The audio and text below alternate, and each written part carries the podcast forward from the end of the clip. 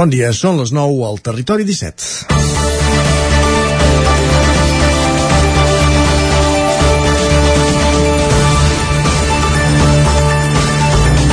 El regidor de Junts a l'Ajuntament de Manlleu i fins diumenge i fins dilluns, volem dir, perdó, membre del govern, Aleix Estrada, al·legava que mai ha estat militant feminista i, per tant, considerava d'hipòcrita llegir una part del manifest del 8 de març al ple, tal com van fer els altres 20 regidors.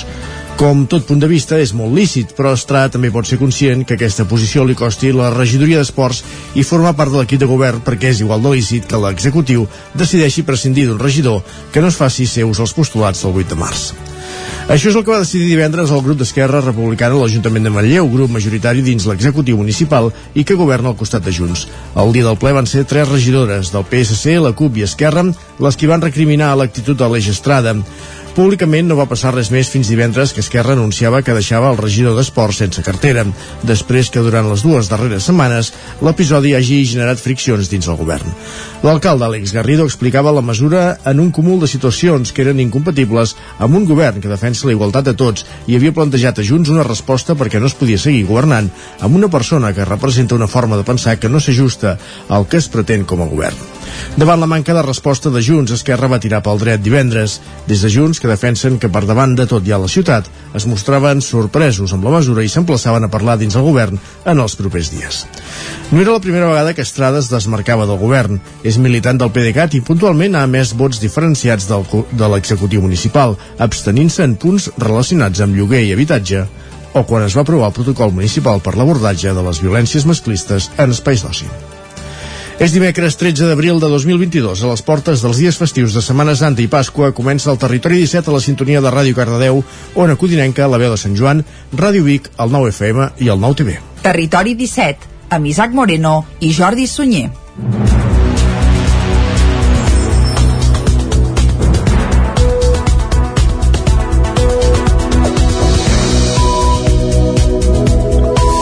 Passen dos minuts de les 9 del matí d'avui dimecres, dia 13 d'abril de 2022. Som dimecres sant i és l'últim dia en què tindrem Territori 17 aquesta Setmana Santa. Després tornarem a partir de dimarts, que ja no serà sant, dimarts de la setmana vinent.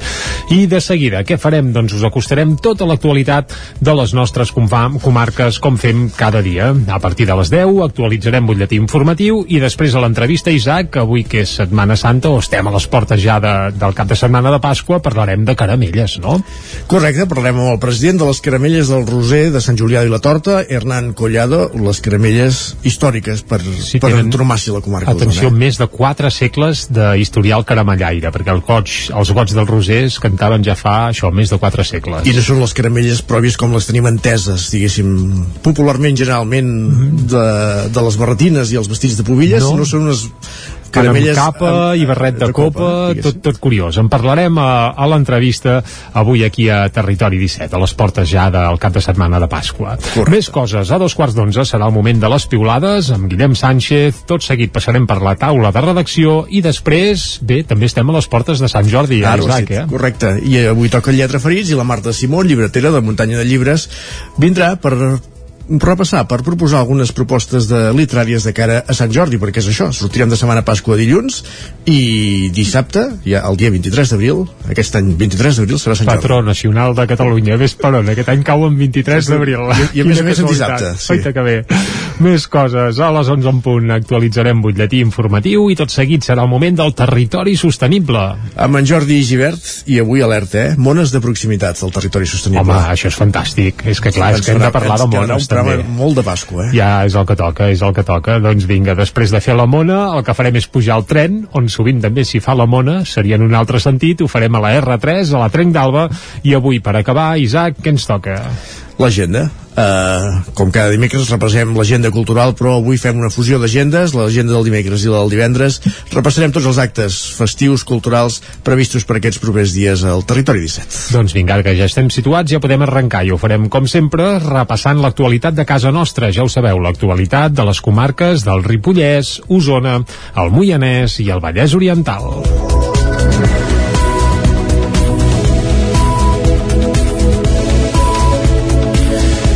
El Consorci Hospitalari de Vic crea un parc fotovoltaic a les taulades dels hospitals de Vic i Manlleu que generarà el 14% de l'energia que consumeixen els dos centres. Són en total gairebé 1.500 plaques que s'instal·laran a les cobertes dels dos equipaments i que han d'entrar en funcionament a principis de l'any que ve.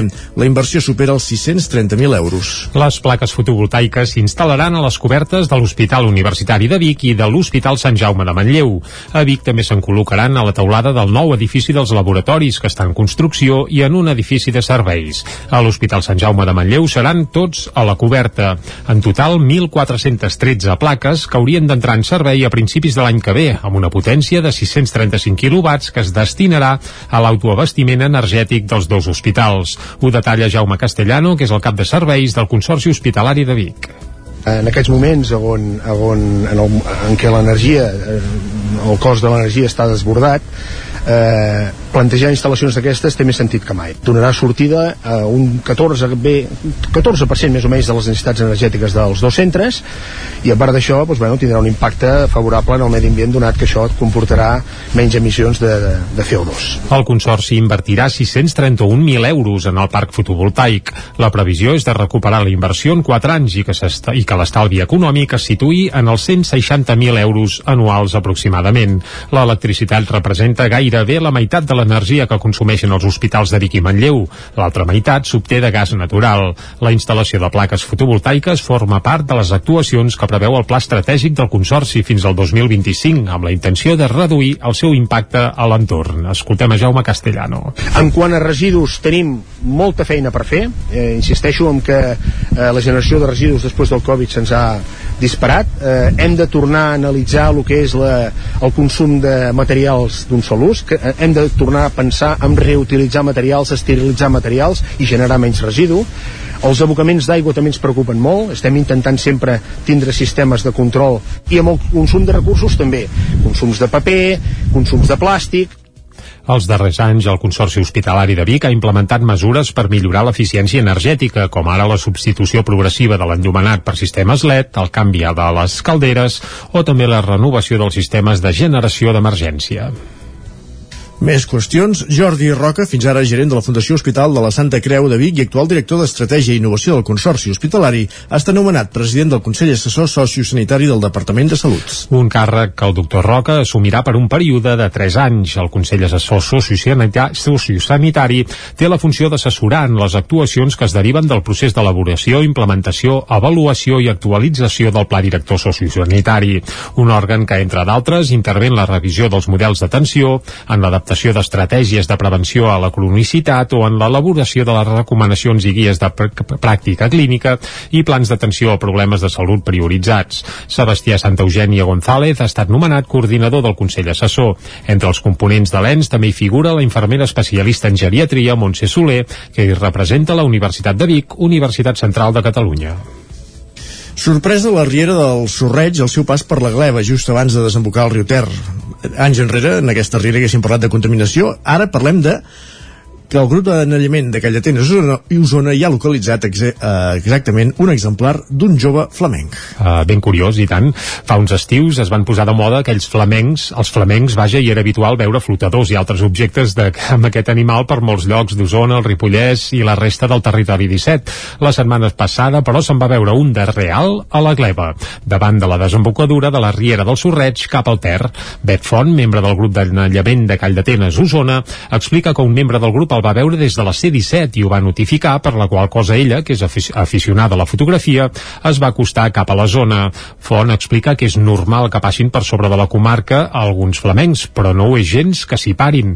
De fet, un altre membre del grup que enregistra els sons durant la nit havia dit que durant els darrers dies se n'havien sentit a passar.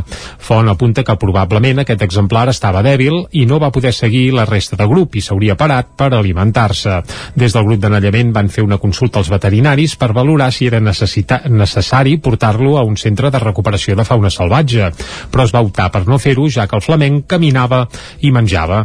Aquesta no és la primera vegada que es veuen flamencs a Osona. L'any 2020 se'n va localitzar un al Ter, entre Manlleu i Roda, i el 2017 un altre al Gès, a Torelló. El flamenc que hi havia a la gleba, un exemplar jove perquè encara no tenia l'habitual color rosat dels adults, s'hi va estar des de dimarts i, com a mínim, fins divendres. Canviem de comarca, anem al Vallès Oriental perquè els ajuntaments d'aquesta comarca del Vallès Oriental es reuneixen amb els productors d'olivera de la comarca per encaminar la creació de la DOP. Caral Campàs, Ona Codinenca. La reunió va tenir lloc a Vigues i Riells del FAI i va servir per informar dels passos que s'han fet fins ara des dels ajuntaments amb els productors locals i explicar els passos que se seguiran a partir d'ara. Joan Galiano, alcalde de Vigues i Riells del FAI, explicava que després de mantenir converses amb la Generalitat han confirmat que la creació de la denominació d'origen protegida és viable. Bueno, arran de les reunions mantingudes amb el departament i veiem la viabilitat de tirar endavant aquesta denominació d'origen, doncs el que, ens el que ens correspon a nosaltres és posar a treballar tots els mecanismes necessaris perquè sigui una realitat. En aquest cas hi volem comptar amb els consells comarcals, els tres consells comarcals, Mollanès, Vallès Oriental i Vallès Occidental, i posar-los a treballar en la voluntat dels productors que es tirar endavant aquesta denominació d'origen d'oli Vallès. La notícia ha estat ben rebuda pels productors d'oli vallesans. Pere Anualart explicava què els aportaria tenir una denominació d'origen protegida. Bé, nosaltres estem treballant un producte que és molt bo, eh, la llàstima és que n'hi hagi poc, i el fet de que se'n parli eh, penso que ens fa primer posar-lo en valor i si fa falta eh, poder-lo vendre a, a, a, a nivell de proximitat eh, i, i, i poder-lo valorar més. D'aquesta manera, els ajuntaments del Vallès volien esvair dubtes que hi havia sobre la viabilitat de la creació d'una denominació d'origen per l'oli del Vallès. També defensen que la creació de la denominació protegida és compatible amb la creació d'algun altre segell de qualitat. Autors i lectors de novel·la negra tenien una cita aquest cap de setmana a Taradell en la primera edició del Taradell Negre, el festival dedicat a aquest gènere que ha organitzat la Biblioteca Antoni Pla de Vall. Les sensacions després de l'estrena són positives i tot fa pensar que hi haurà segona edició. Quatre autors premiats, Salvador Balcell, Sílvia Mayans, Jordi Santa Susanna i Marc Quintana, protagonitzaven dissabte al migdia una de les vuit taules rodones programades en la primera edició del Festival Taradell Negre. Es van succeir al llarg de tot el dia al Centre Cultural de Can Costa i Font, abordant, per exemple, la presència d'autors joves i de dones autores i protagonistes també a les novel·les del gènere. Entre els participants també hi va haver autors coneguts com Sebastià Bennazar, Andreu Martín o Tura Soler. L'objectiu principal del Festival Taradellenc era apropar escriptors i lectors. Ho detalla Núria Martínez, que és la comissària del Festival Taradell Negre. Això promou que es llegeixi més, que falta fa, i que l'autor vingui molt més content, perquè té aquest feedback amb el lector que a ells els hi agrada moltíssim. Fins ara estic jo encantada de la vida, està anant molt bé, molt millor del que ens imaginàvem. Ahir va ser un èxit total i avui veig que de moment també. Entre les participants usonenques al festival hi havia la manlleuenca Irene Solanic, editora de llibres del delicte. L'escoltem. Se'ns està començant a conèixer ja com a autors de novel·la negra catalana, és a dir, amb aquesta etiqueta que fins ara potser teníem més nòrdics o americans o britànics, i sembla que ara som nosaltres, no?, els que potser ens falta una mica d'exportar tota aquesta feina que estem fent, perquè dintre de Catalunya s'està fent molt bona feina, però ens falta potser aquesta mica de notorietat fora de, fora de les fronteres. El Festival Taradell Negre va començar divendres amb les activitats organitzades per implicar-hi el municipi. Dida Carrero va guanyar l'Eslam que va convocar, eh, que es va convocar amb la participació de més d'un centenar d'alumnes de l'Institut de Taradell que en 4 minuts havien d'improvisar un relat a partir d'una imatge. També es va convocar un concurs de paradors que va premiar el Forn Riera i un de fotografia d'Instagram que es van dur Roser Fonseca. Esports. 1.100 participants van ser a la vintena edició de la prova pels camins dels matxos que es fa a Torelló. Andreu Simón va quedar a menys de 4 minuts d'aconseguir baixar de les 6 hores per completar els 63 quilòmetres del recorregut total. Marta Moixí va ser la guanyadora en categoria femenina. Dissabte a Trenc d'Alba sortien de Torelló els 1.100 participants de la Ultra pels camins dels matxos en la seva vintena edició.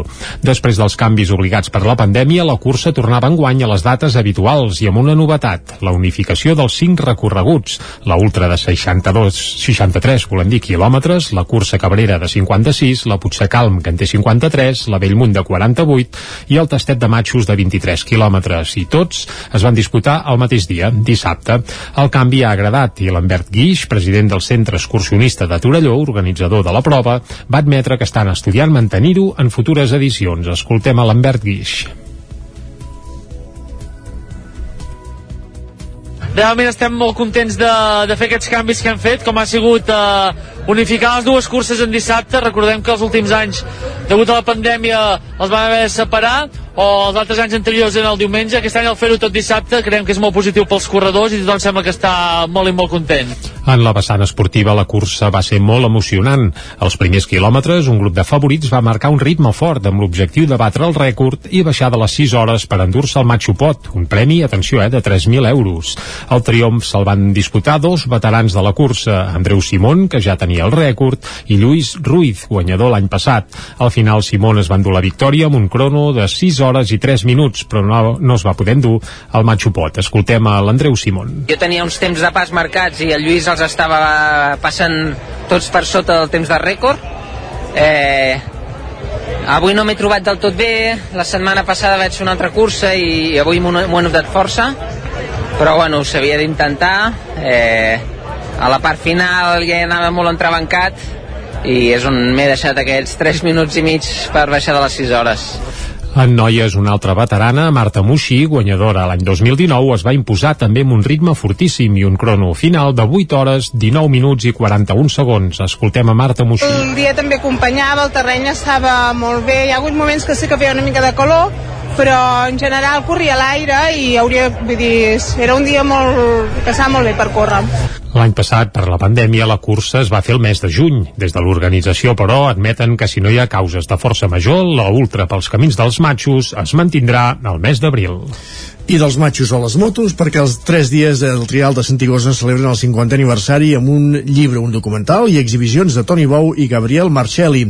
La veu de Sant Joan, Isaac Muntades. Els tres dies trial de Santigosa de Sant Joan de les Abadeses estan d'enhorabona perquè enguany arriben al seu 50è aniversari en plena forma. L'activitat esportiva més emblemàtica del Ripollès, organitzada pel Motoclub Abadeses, se celebrarà des d'aquest divendres fins diumenge, amb la participació de 241 pilots que voldran guanyar la mítica prova en una data tan assenyalada. La competició comptarà amb molts pilots amateurs, però també de professionals, com Jaime Busto de Vértigo, que va quedar tercer del Mundial d'X-Trail de l'any passat, i de Pablo Suárez, que va fer segon els tres dies trial de Santigosa 2021. En la categoria femenina hi haurà la presència de Berta Avellan, subcampiona del món de trial femení competint amb Escorpa. També hi haurà pilots provinents d'arreu d'Europa de països com França, Itàlia, Anglaterra, Escòcia i cinc pilots mexicans. Dues de les efemèrides per commemorar aquest aniversari són l'edició d'un llibre que es presentarà aquest dissabte a les 7 de la tarda al Palau de l'Abadia i la creació d'un documental realitzat per Goita Audiovisuals i Norbe Projectes Audiovisuals, que s'estrenarà també dissabte a dos quarts de vuit del vespre al Teatre Centre. Ho explica el president del Motoclub Abadeses, Joan Montcanut. Fa més d'un any que estem treballant amb l'edició d'un llibre que ja està acabat, ja està enquadernat. És un llibre que consta de 160 pàgines, que bàsicament tot són fotografies i amb l'expressió d'aquestes fotos i els peus de pàgina doncs s'intenta explicar doncs, el que han set aquests 50 anys de trial de Santigosa. També en aquest mateix sentit i en aquesta mateixa finalitat hem encarregat amb uns professionals un videoreportatge que durarà doncs, 59 minuts. Aquest videoreportatge consta de filmacions inèdites dels primers anys del trial de Santigosa, de l'any 72, i també en, en aquest videoreportatge doncs, hi haurà un resum de les 27 persones de rellevància per aquest trial que han estat entrevistades per acabar de, de fer tot aquest reportatge. No? També hi haurà una exposició al Palau de l'Abadia de moltes de les motos que han guanyat la prova des del seu inici i d'objectes que s'han utilitzat. Aquest dijous, a partir de les 5 de la tarda, s'enlairarà un globus aerostàtic des del camp de futbol per donar la benvinguda al trial durant les verificacions pels voltants del paddock i hi haurà una actuació de DJ Limonetti. I a l'aparcament de Can Creuet, entre les 6 i les 7 de la tarda del dissabte, s'hi farà una exhibició dels pilots oficials de Montesa i Onda, Toni Bou i Gabriel Marceli. Montcanut apunta que pels 3 dies de trial de Santigosa ja han passat les llegendes d'aquest esport. Al principi del trial de Santigosa això era com un Dakar en aquells moments. Les fàbriques portaven aquí els millors pilots de motos per poder defensar els seus colors i en aquella època doncs hi havia Rammel, els Vesterinen, els Lamping, els Legend, els Gorgot i van començar a crear afició entre la gent. La gent aquí a Sant Joan i a Catalunya ho desconeixia això del trial. I aquests van ser els pioners. Llavors va aparèixer el Jordi Terrés. El Jordi Terrés, dit ras i curt, va canviar pràcticament l'esport del trial. Hi ha un abans i un després de la tècnica de, del trial amb el Jordi Terrés. Llavors han passat per aquí doncs, els Bou, els Raga, els Cabestany, els Fujinami, tota aquesta gent doncs, també ha passat per aquí la Laia. El recorregut d'enguany és similar al de la resta d'edicions, amb 30 zones exteriors més una d'indoor. L'objectiu és concentrar el major nombre de zones possibles entre les 11 del matí i les 3 de la tarda al coll de Santigosa. Enguany, el trial també iniciarà un estudi d'impacte ambiental en un parell o tres de les zones del recorregut per poder avaluar empíricament quin és l'impacte real sobre el medi natural. Paral·lelament al trial se celebrarà la quarta edició del concurs fotogràfic impulsat pel grup fotogràfic Abadeses, que repartirà més de 500 euros en metàl·lic en premis i que imprimirà en un gran format sobre tela o vidre les fotos dels guanyadors. A més, hi haurà un concurs d'Instagram que estarà més enfocat pels fotògrafs amateurs. Doncs amb la prèvia del trial, dels tres dies de trial de Santigosa, que es fan aquests dies a Sant Joan de les Abadesses, acabem aquest primer butlletí informatiu que començàvem a les 9 al Territori 17 en companyia d'Isaac Montada, Jordi Sunyer, Caral Campàs i Núria Lázaro. Tot seguit al Territori 17, moment de posar-nos al dia pel que fa a la previsió meteorològica.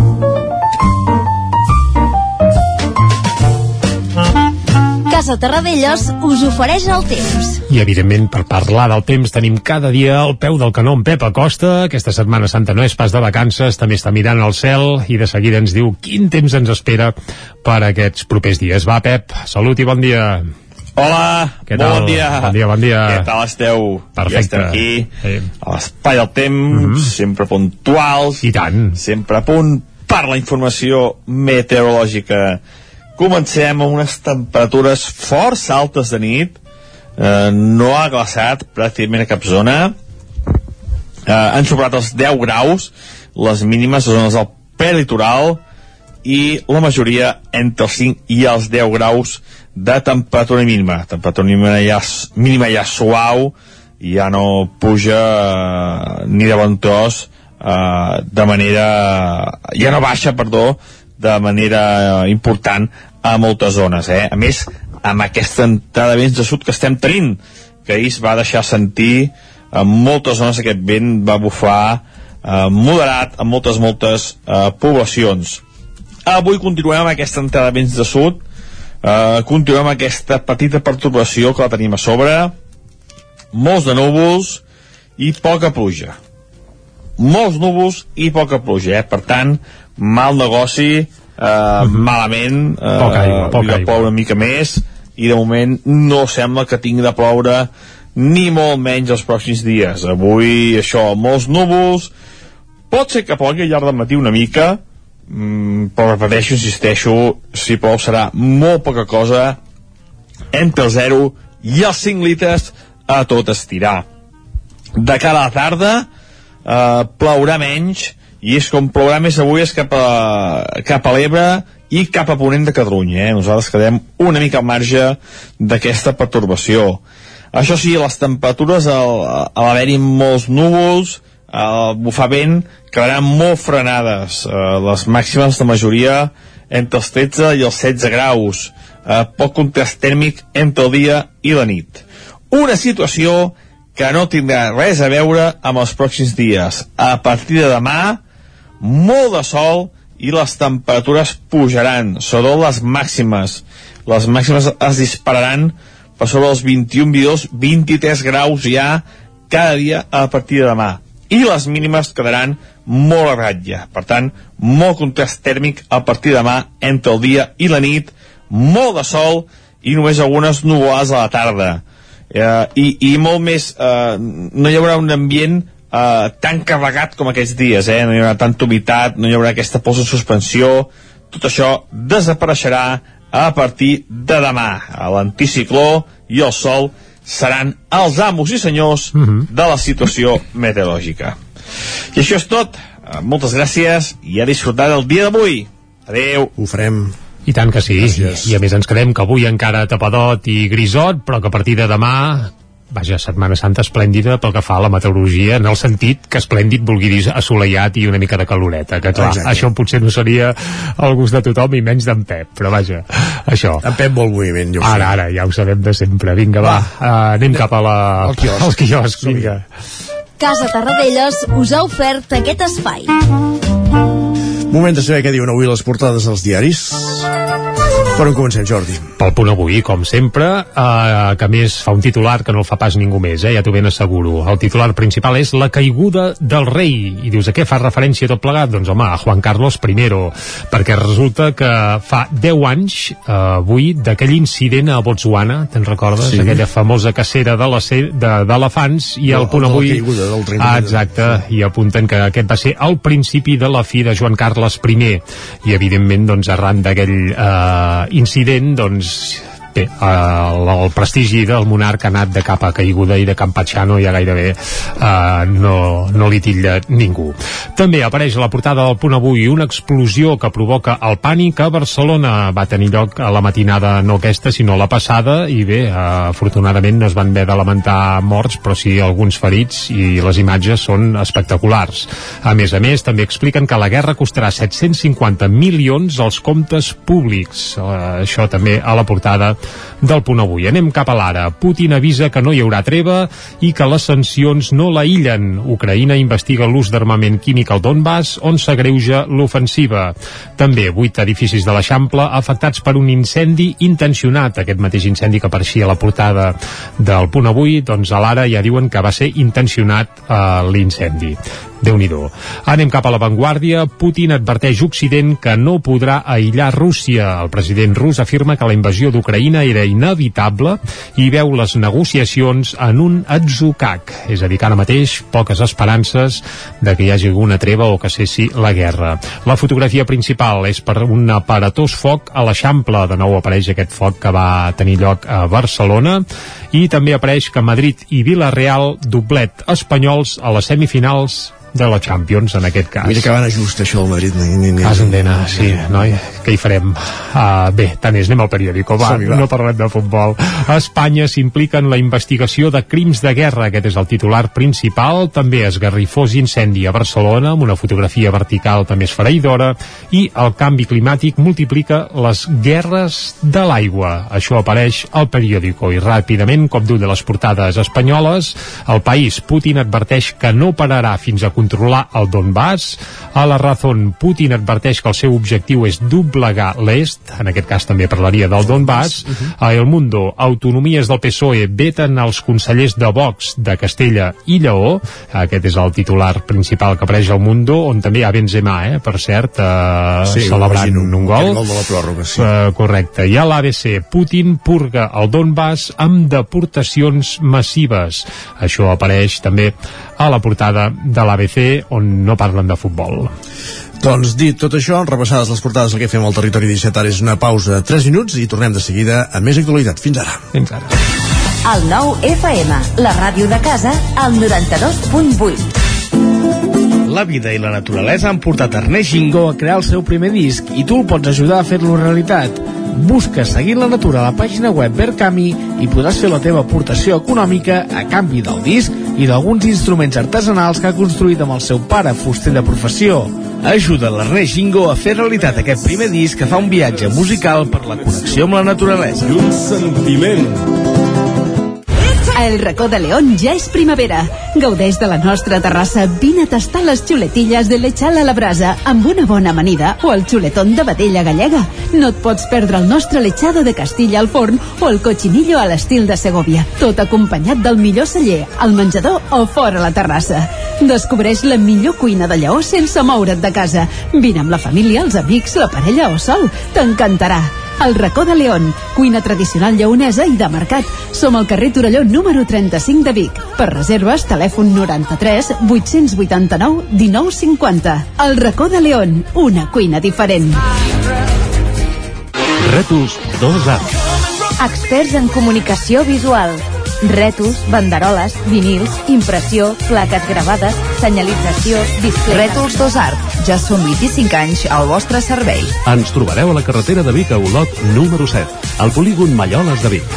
dosartvic.com Telèfon 93 889 2588 Cobertes serveis funeraris. Els nostres tanatoris estan ubicats en els nuclis urbans més poblats de la comarca d'Osona per oferir un millor servei. Tanatori de Vic, Tanatori de Manlleu, Tanatori de Centelles i Tanatori de Roda de Ter. Sabem que són moments difícils i per això el nostre compromís és atendre-us en tot moment amb un tracte humà, sensible i respectuós. Cobertes serveis funeraris. Telèfon 24 hores 93 883 23 46. Cocodril Club. Si t'agrada la bona música dels anys 60, 70 i 80, escolta el 9 FM als matins de dissabtes i diumenges d'11 a 1. És el temps del Cocodril Club, tot un clàssic de la ràdio, amb les bases del pop-rock, les llegendes, les cançons que s'han convertit en autèntics himnes. Recorda, dissabtes i diumenges al matí, d'11 a 1, al 9 FM 92.8. Cocodril Club, el programa revival de l'Albert Malla. Hasta luego, cocodrilo.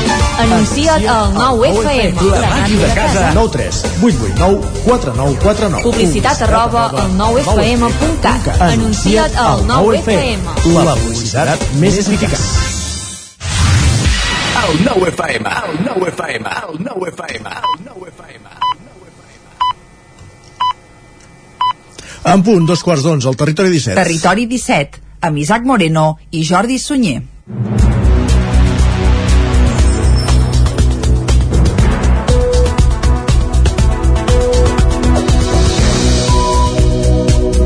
Cas, en punt, dos quarts Sí, de deu. de deu, de deu. Però avancem al territori 17, encara tenim dues hores i mitja de programa. Correcte, dos quarts d'onze també arribarà, però de moment som dos quarts de deu en punt d'avui dimecres dia 13 d'abril de 2022, dimecres sant.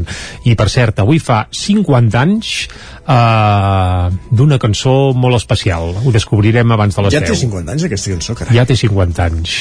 Ja saps quina cançó és, Oh, eh? el tinc aquí escrita. Clar, ah, té- hi ha trampa, hi ha trampa. Doncs sí, té... No diré res més. Sí, No diré jo tampoc, va, ho deixarem com a sorpresa, una cançó que fa 50 anys, avui l'escoltarem just abans de les 10. Aquesta cançó només et puc dir que una vegada va sortir eh, publicada al 9-9 amb un nom en francès. Una anècdota d'aquelles que passen...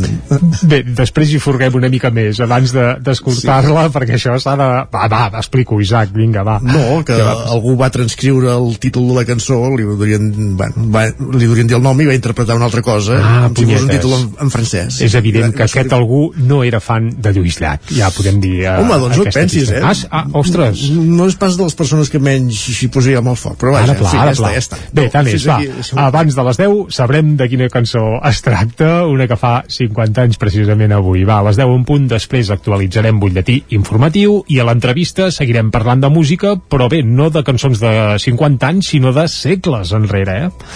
Perquè parlarem de caramelles, Isaac, oi? Correcte. I ho farem amb Hernan Collado, president dels caramellaires del Roser de Sant Julià de Vilatorta, que segurament. tornaran a sortir diumenge pels carrers de Sant Julià amb Correcte. la capa i el barret. després de dos anys de pandèmia que han hagut de fer aparicions gairebé, eh, bé, així molt, molt desquitllades. Afortunadament aquest cap de setmana tornaran les caramelles arreu del territori 17 i del territori català. Més coses, dos quarts d'onze piulades, tot seguit taula de redacció i després parlarem de literatura.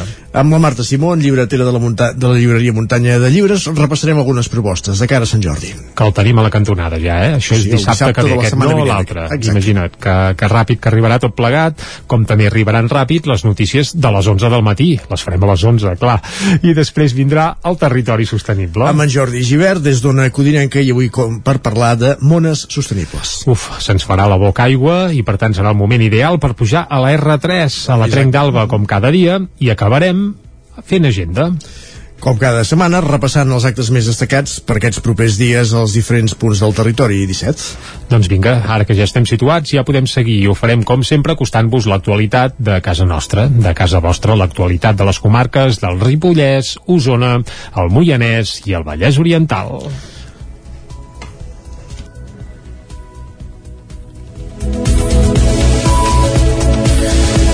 El Consorci Hospitalari de Vic crea un parc fotovoltaic a les taulades dels hospitals de Vic i Manlleu que generarà el 14% de l'energia que consumeixen els dos centres. Són en total gairebé 1.500 plaques que s'instal·laran a les cobertes dels dos equipaments i que han d'entrar en funcionament a principis de l'any que ve. La inversió supera els 630.000 euros. Les plaques fotovoltaiques s'instal·laran a les cobertes de l'Hospital Universitari de Vic i de l'Hospital Sant Jaume de Manlleu.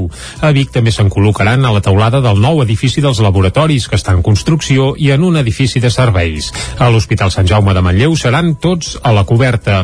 En total, 1.413 plaques que haurien d'entrar en servei a principis de l'any que ve, amb una potència de 635 quilowatts que es destinarà a l'autoabastiment energètic dels dos hospitals. Ho detalla Jaume Castellano, que és el cap de serveis del Consorci Hospitalari de Vic en aquests moments on, on, en, el, en què l'energia eh, el cost de l'energia està desbordat eh, plantejar instal·lacions d'aquestes té més sentit que mai. Donarà sortida a un 14 bé, 14% més o menys de les necessitats energètiques dels dos centres i a part d'això doncs, bueno, tindrà un impacte favorable en el medi ambient donat que això comportarà menys emissions de, de, de CO2 El Consorci invertirà 631.000 euros en el parc fotovoltaic.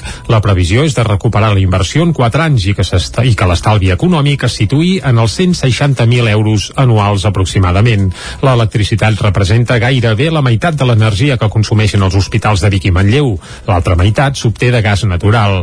La instal·lació de plaques fotovoltaiques forma part de les actuacions que preveu el Pla Estratègic del Consorci fins al 2025, amb la intenció de reduir el seu impacte a l'entorn. Escoltem a Jaume Castellano. En quant a residus, tenim molta feina per fer. Eh, insisteixo en que eh, la generació de residus després del Covid se'ns ha disparat. Eh, hem de tornar a analitzar el que és la, el consum de materials d'un sol ús, que eh, hem de tornar a pensar en reutilitzar materials, esterilitzar materials i generar menys residu.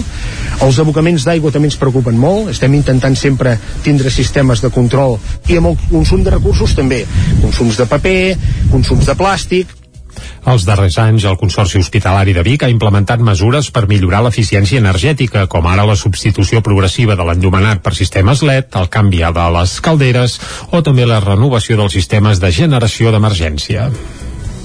Més qüestions. Jordi Roca, fins ara gerent de la Fundació Hospital de la Santa Creu de Vic i actual director d'Estratègia i Innovació del Consorci Hospitalari, ha estat nomenat president del Consell Assessor Sociosanitari del Departament de Salut. Un càrrec que el doctor Roca assumirà per un període de 3 anys. El Consell Assessor Sociosanitari té la funció d'assessorar en les actuacions que es deriven del procés d'elaboració, implementació, avaluació i actualització del Pla Director Sociosanitari, un òrgan que, entre d'altres, intervé en la revisió dels models d'atenció, en l'adaptació l'adaptació d'estratègies de prevenció a la cronicitat o en l'elaboració de les recomanacions i guies de pr pràctica clínica i plans d'atenció a problemes de salut prioritzats. Sebastià Santa Eugènia González ha estat nomenat coordinador del Consell Assessor.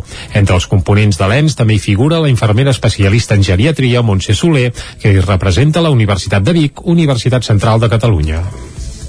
Sorpresa la riera del Sorreig al seu pas per la Gleva, just abans de desembocar el riu Ter.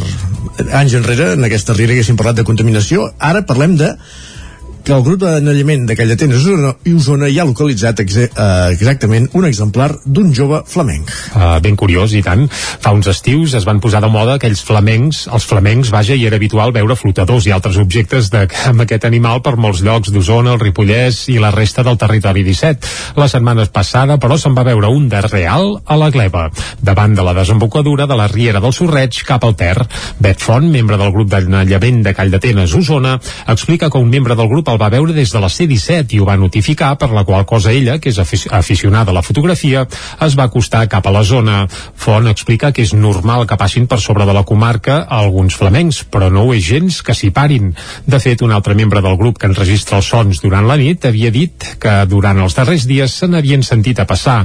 Font apunta que probablement aquest exemplar estava dèbil i no va poder seguir la resta del grup i s'hauria parat per alimentar-se. Des del grup d'anellament van fer una consulta als veterinaris per valorar si era necessari portar-lo a un centre de recuperació de fauna salvatge, però es va optar per no fer-ho ja que el flamenc caminava i menjava. Aquesta no és la primera vegada que es veuen flamencs a Osona. L'any 2020 se'n va localitzar un al Ter, entre Manlleu i Roda, i el 2017 un altre al Gès, a Torelló. El flamenc que hi havia a la gleba, un exemplar jove perquè encara no tenia l'habitual color rosat dels adults, s'hi va estar des de dimarts i, com a mínim, fins divendres. Canviem de comarca, anem al Vallès Oriental perquè els ajuntaments d'aquesta comarca del Vallès Oriental es reuneixen amb els productors d'olivera de la comarca per encaminar la creació de la DOP. Caral Campàs, Ona Codinenca. La reunió va tenir lloc a Vigues i Riells del FAI i va servir per informar dels passos que s'han fet fins ara des dels ajuntaments amb els productors locals i explicar els passos que se seguiran a partir d'ara. Joan Galeano, alcalde de Vigues i Riells del FAI, explicava que després de mantenir converses amb la Generalitat han confirmat que la creació de la denominació d'origen protegida és viable. bueno, arran de les reunions mantingudes amb el departament i veiem la viabilitat de tirar endavant aquesta denominació d'origen, doncs el que, ens ha, el que ens correspon a nosaltres és posar a treballar tots els mecanismes necessaris perquè sigui una realitat. En aquest cas hi volem comptar amb els consells comarcals, els tres consells comarcals, Moianès, Vallès Oriental i Vallès Occidental, i posar-los a treballar en la voluntat dels productors que es tirar endavant aquesta denominació d'origen d'oli Vallès. La notícia ha estat ben rebuda pels productors d'oli ballesans. Pere Anualart explicava què els aportaria tenir una denominació d'origen protegida. Bé, nosaltres estem treballant un producte que és molt bo, eh, la llàstima és que n'hi hagi poc, i el fet de que se'n parli eh, penso que ens fa primer posar-lo en valor i si fa falta eh, poder-lo vendre a, a, a, a nivell de proximitat eh, i, i, i, i poder-lo valorar més. D'aquesta manera, els ajuntaments del Vallès volien esvair dubtes que hi havia sobre la viabilitat de la creació d'una denominació d'origen per l'oli del Vallès. També defensen que la creació de la denominació protegida és compatible amb la creació d'algun altre segell de qualitat. Autors i lectors de novel·la negra tenien una cita aquest cap de setmana a Taradell en la primera edició del Taradell Negre, el festival dedicat a aquest gènere que ha organitzat la Biblioteca Antoni Pla de Vall. Les sensacions després de l'estrena són positives i tot fa pensar que hi haurà segona edició. Quatre autors premiats, Salvador Balcell, Sílvia Mayans, Jordi Santa Susanna i Marc Quintana, protagonitzaven dissabte al migdia una de les vuit taules rodones programades en la primera edició del Festival Taradell Negre. Es van succeir al llarg de tot el dia al Centre Cultural de Can Costa i Font, abordant, per exemple, la presència d'autors joves i de dones autores i protagonistes també a les novel·les del gènere. Entre els participants també hi va haver autors coneguts com Sebastià Bennazar, Andreu Martín o Tura Soler. L'objectiu principal del Festival Taradellenc era apropar escriptors i lectors. Ho detalla Núria Martínez, que és la comissària del Festival Taradell Negre. Això promou que es llegeixi més, que falta fa, i que l'autor vingui molt més content, perquè té aquest feedback amb el lector que a ells els agrada moltíssim. Fins ara estic jo encantada de la vida, està anant molt bé, molt millor del que ens imaginàvem. Ahir va ser un èxit total i avui veig que de moment també. Entre les participants usonenques al festival hi havia la manlleuenca Irene Solanic, editora de llibres del delicte. L'escoltem. Se'ns està començant a conèixer ja com a autors de novel·la negra catalana, és a dir, amb aquesta etiqueta que fins ara potser teníem més nòrdics o americans o britànics i sembla que ara som nosaltres no? els que potser ens falta una mica d'exportar tota aquesta feina que estem fent perquè dintre de Catalunya s'està fent molt bona feina però ens falta potser aquesta mica de notorietat fora de, fora de les fronteres El Festival Taradell Negre va començar divendres amb les activitats organitzades per implicar-hi el municipi. Dida Carrero va guanyar l'Eslam que va convocar, eh, que es va convocar amb la participació de més d'un centenar d'alumnes de l'Institut de Taradell que en 4 minuts havien d'improvisar un relat a partir d'una imatge. També es va convocar un concurs de paradors que va premiar el Forn Riera i un de fotografia d'Instagram que es van dur Roser Fonseca. Esports. 1.100 participants van ser a la vintena edició de la prova pels camins dels matxos que es fa a Torelló. Andreu Simón va quedar a menys de 4 minuts d'aconseguir baixar de les 6 hores per completar els 63 quilòmetres del recorregut total. Marta Moixí va ser la guanyadora en categoria femenina. Dissabte a Trenc d'Alba sortien de Torelló els 1.100 participants de la Ultra pels camins dels matxos en la seva vintena edició. Després dels canvis obligats per la pandèmia, la cursa tornava enguany a les dates habituals i amb una novetat, la unificació dels 5 recorreguts. La Ultra de 62, 63, volem dir, quilòmetres, la cursa Cabrera de 56, la Puigdecalm, que en té 53, la Bellmunt de 48 i el Tastet de Matxos de 23 quilòmetres. I tots es van disputar el mateix dia, dissabte. El canvi ha agradat i Lambert Guix, president del Centre Excursionista de Torelló, organitzador de la prova, va admetre que estan estudiant mantenir-ho en futures edicions. Escoltem a Lambert Guix. Realment estem molt contents de, de fer aquests canvis que hem fet, com ha sigut eh, unificar les dues curses en dissabte. Recordem que els últims anys, degut a la pandèmia, els vam haver de separar, o els altres anys anteriors eren el diumenge. Aquest any al fer-ho tot dissabte creiem que és molt positiu pels corredors i tothom sembla que està molt i molt content. En la vessant esportiva la cursa va ser molt emocionant. Els primers quilòmetres, un grup de favorits va marcar un ritme fort amb l'objectiu de batre el rècord i baixar de les 6 hores per endur-se el Pot, un premi, atenció, eh, de 3.000 euros. El triomf se'l van disputar dos veterans de la cursa, Andreu Simón, que ja tenia el rècord, i Lluís Ruiz, guanyador l'any passat. Al final, Simón es va endur la victòria amb un crono de 6 hores i 3 minuts, però no, no es va poder endur al Machu Pot. Escoltem a l'Andreu Simon. Jo tenia uns temps de pas marcats i el Lluís els estava passant tots per sota del temps de rècord.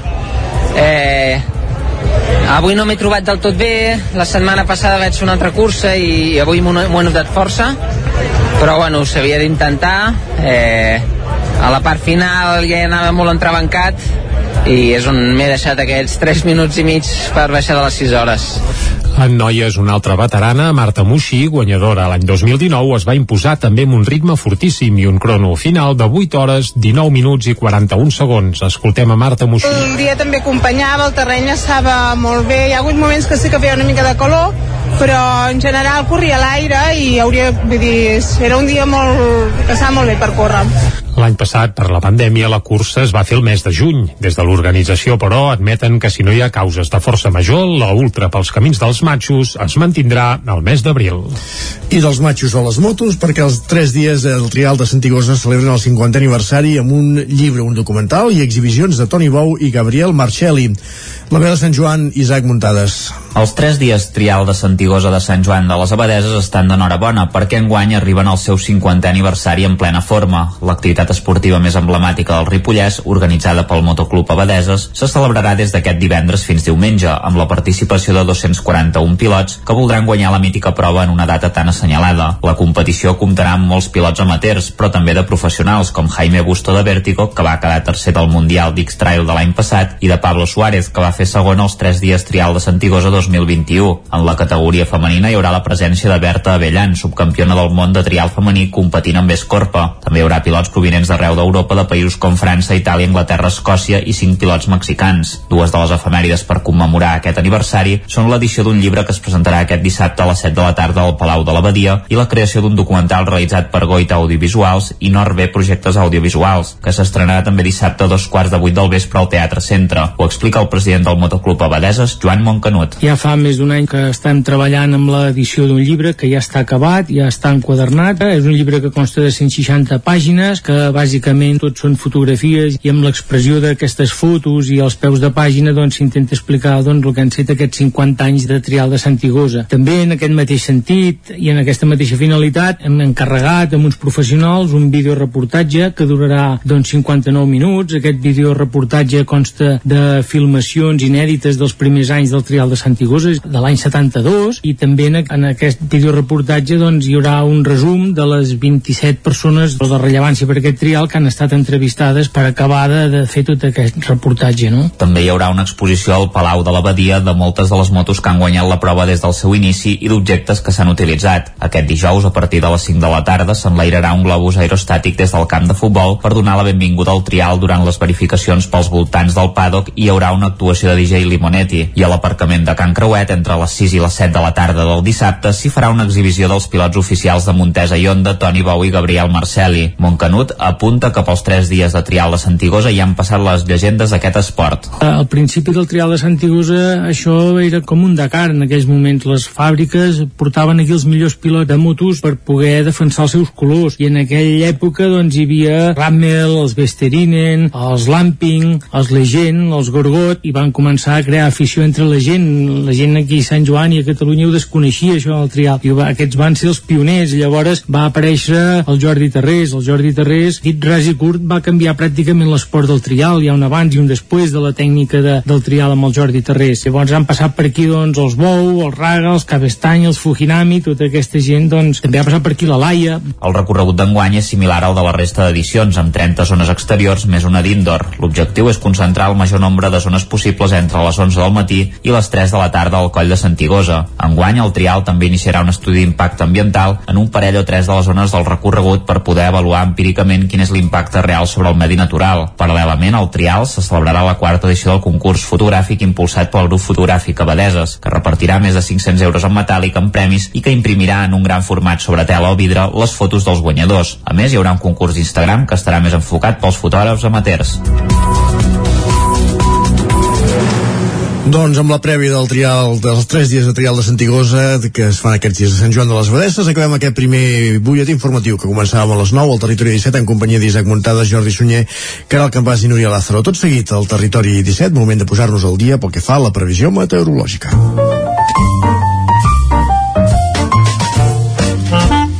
Casa Terradellos us ofereix el temps. I, evidentment, per parlar del temps tenim cada dia al peu del canó en Pep Acosta. Aquesta Setmana Santa no és pas de vacances, també està mirant al cel i de seguida ens diu quin temps ens espera per aquests propers dies. Va, Pep, salut i bon dia. Hola, Què tal? bon dia. Bon dia, bon dia. Què tal esteu? Perfecte. Ja estem aquí, Eh. a l'espai del temps, mm -hmm. sempre puntuals. I tant. Sempre a punt per la informació meteorològica. Comencem amb unes temperatures força altes de nit. Eh, no ha glaçat pràcticament a cap zona. Eh, han superat els 10 graus, les mínimes a zones del prelitoral, i la majoria entre els 5 i els 10 graus de temperatura mínima. Temperatura mínima ja, mínima ja suau, ja no puja eh, ni de bon tros eh, de manera... ja no baixa, perdó, de manera eh, important a moltes zones. Eh? A més, amb aquesta entrada de vents de sud que estem tenint, que ahir es va deixar sentir en moltes zones aquest vent va bufar eh, moderat en moltes, moltes eh, poblacions. Avui continuem amb aquesta entrada de vents de sud, eh, continuem amb aquesta petita perturbació que la tenim a sobre, molts de núvols i poca pluja. Molts núvols i poca pluja, eh? per tant, mal negoci, eh, malament, eh, Poca aigua, poca aigua. ploure una mica més, i de moment no sembla que tingui de ploure ni molt menys els pròxims dies. Avui, això, molts núvols, pot ser que plogui al llarg del matí una mica, mm, però repeteixo, insisteixo, si plou serà molt poca cosa, entre el 0 i els 5 litres a tot estirar. De cara a la tarda, eh, plourà menys, i és com plourà més avui és cap a, cap a l'Ebre i cap a Ponent de Catalunya. Eh? Nosaltres quedem una mica al marge d'aquesta pertorbació. Això sí, les temperatures, al, l'haver-hi molts núvols, al bufar vent, quedaran molt frenades. Eh, les màximes de majoria entre els 13 i els 16 graus. Eh, poc contrast tèrmic entre el dia i la nit. Una situació que no tindrà res a veure amb els pròxims dies. A partir de demà, molt de sol i les temperatures pujaran, sobretot les màximes. Les màximes es dispararan per sobre els 21, 22, 23 graus ja cada dia a partir de demà. I les mínimes quedaran molt a ratlla. Per tant, molt contrast tèrmic a partir de demà entre el dia i la nit, molt de sol i només algunes nuvolades a la tarda. Eh, i, I molt més, eh, no hi haurà un ambient eh, tan carregat com aquests dies, eh? no hi haurà tanta humitat, no hi haurà aquesta pols de suspensió, tot això desapareixerà a partir de demà. L'anticicló i el sol seran els amos i senyors de la situació meteorològica. I això és tot. Eh, Moltes gràcies i a disfrutar del dia d'avui. Adeu. Ho farem. I tant que sí, i a més ens quedem que avui encara tapadot i grisot, però que a partir de demà vaja, Setmana Santa esplèndida pel que fa a la meteorologia, en el sentit que esplèndid vulgui dir assolellat i una mica de caloreta, que clar, Exacte. això potser no seria el gust de tothom i menys d'en Pep, però vaja, això. En Pep vol moviment, ja ho Ara, ara, ja ho sabem de sempre. Vinga, va, uh, anem cap a la... Al quiosc. Al quiosc, vinga.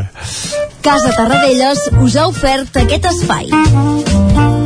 Moment de saber què diuen avui les portades dels diaris. Per on comencem, Jordi? Pel punt avui, com sempre, eh, que més fa un titular que no el fa pas ningú més, eh, ja t'ho ben asseguro. El titular principal és la caiguda del rei. I dius, a què fa referència tot plegat? Doncs home, a Juan Carlos I, perquè resulta que fa 10 anys, eh, avui, d'aquell incident a Botswana, te'n recordes? Sí. Aquella famosa cacera de la ce- de- d'elefants, i el El- punt de la avui... caiguda del de- Ah, exacte, i apunten que aquest va ser el principi de la fi de Joan Carles I i evidentment doncs arran d'aquell eh, incident doncs bé, el, el prestigi del monarca ha anat de capa caiguda i de Campachano ja gairebé eh, no, no li titlla ningú. També apareix a la portada del punt avui una explosió que provoca el pànic a Barcelona. Va tenir lloc a la matinada no aquesta, sinó la passada, i bé, eh, afortunadament no es van haver de lamentar morts, però sí alguns ferits, i les imatges són espectaculars. A més a més, també expliquen que la guerra costarà 750 milions als comptes públics. Eh, això també a la portada del punt avui. Anem cap a l'ara. Putin avisa que no hi haurà treva i que les sancions no l'aïllen. Ucraïna investiga l'ús d'armament químic al Donbass, on s'agreuja l'ofensiva. També vuit edificis de l'Eixample afectats per un incendi intencionat. Aquest mateix incendi que apareixia a la portada del punt avui, doncs a l'ara ja diuen que va ser intencionat eh, l'incendi. déu nhi Anem cap a l'avantguàrdia. Putin adverteix Occident que no podrà aïllar Rússia. El president rus afirma que la invasió d'Ucraïna era inevitable i veu les negociacions en un atzucac. És a dir, que ara mateix poques esperances de que hi hagi alguna treva o que cessi la guerra. La fotografia principal és per un aparatós foc a l'Eixample. De nou apareix aquest foc que va tenir lloc a Barcelona i també apareix que Madrid i Vila-real doblet espanyols a les semifinals de la Champions en aquest cas. Mira que van just això al Madrid. Cas Ondena, sí, noi, què hi farem? Uh, bé, tant és, anem al periòdico, va, va, no parlem de futbol.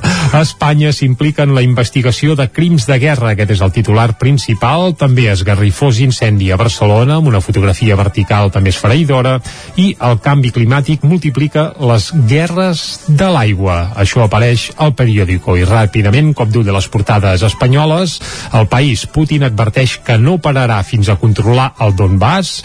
A la Razón, Putin adverteix que el seu objectiu és doblegar l'est, en aquest cas també parlaria del Donbass. A El Mundo, autonomies del PSOE veten els consellers de Vox de Castella i Lleó. Aquest és el titular principal que apareix al Mundo, on també hi ha Benzema, eh, per cert, eh, Sí, celebrant un, un gol. aquest gol de la pròrroga, sí. Eh, correcte. I a l'ABC, Putin purga el Donbass amb deportacions massives. Això apareix també a la portada de l'ABC, on no parlen de futbol. No parlen de futbol a l'ABC, carai. Mira que deuen estar contents. Sí, home, a dins segur que hi tenen un muntatge, un desplegament allò... Espanya conquereix la Champions o les semifinals de Champions, perquè ja es veurà qui s'acaba emportant el títol, però bé, tant és. Uh, si vols parlem de l'Europa No, League... Podria, no, eh, podríem parlar de la, de la Champions de, de bàsquet, on el Manresa ha passat a la Final Four, per exemple. Ah, per exemple, també, també, també. No, Va. sí, aviam, de- d'esports podríem estar-hi parlant uh, eternament, però ara parlarem de música, Exacte. perquè, bé, que carai, és molt més agraït també, i a més uh, sempre ens aixopluga les orelles i ens les alegra. I avui, ja ho hem dit, parlarem d'una cançó que fa 50 anys, mig segle de vida. Abans hem donat alguna pista i ara ja les donarem totes, perquè com que ja l'escoltarem, es tracta de com un arbre nu, un dels clàssics de la discografia de Lluís Llach. Uh, és una peça que figura a un disc editat el 1972 que es titula Com un arbre nu, igual que, que la peça, i aquell disc, per cert, la primera cançó del disc, saps quina era, Isaac? Era una...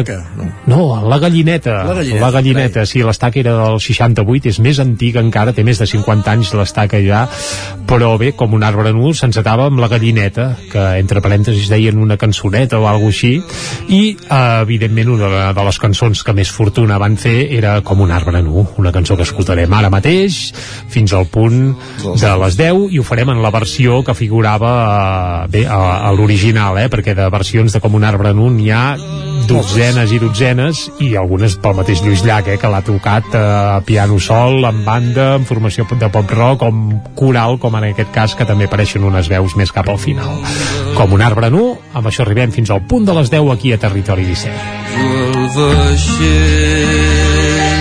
el vaixell.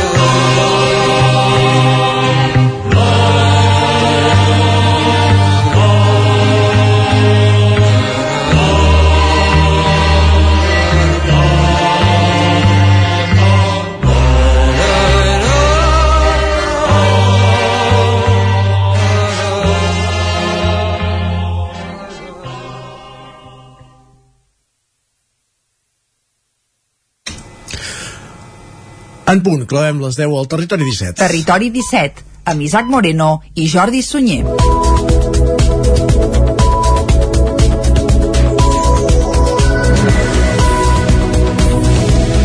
I és hora ara al territori 17 de posar-nos al dia, d'actualitzar-nos amb les notícies més destacades de les nostres comarques, el Ripollès, el Vallès Oriental, el Moianès i Osona, i ho fem en connexió amb les diferents emissores que cada dia fan possible aquest programa. La veu de Sant Joan, Ràdio Cardedeu, Ona Codinenca, Ràdio Vic, el 9FM i el 9TV.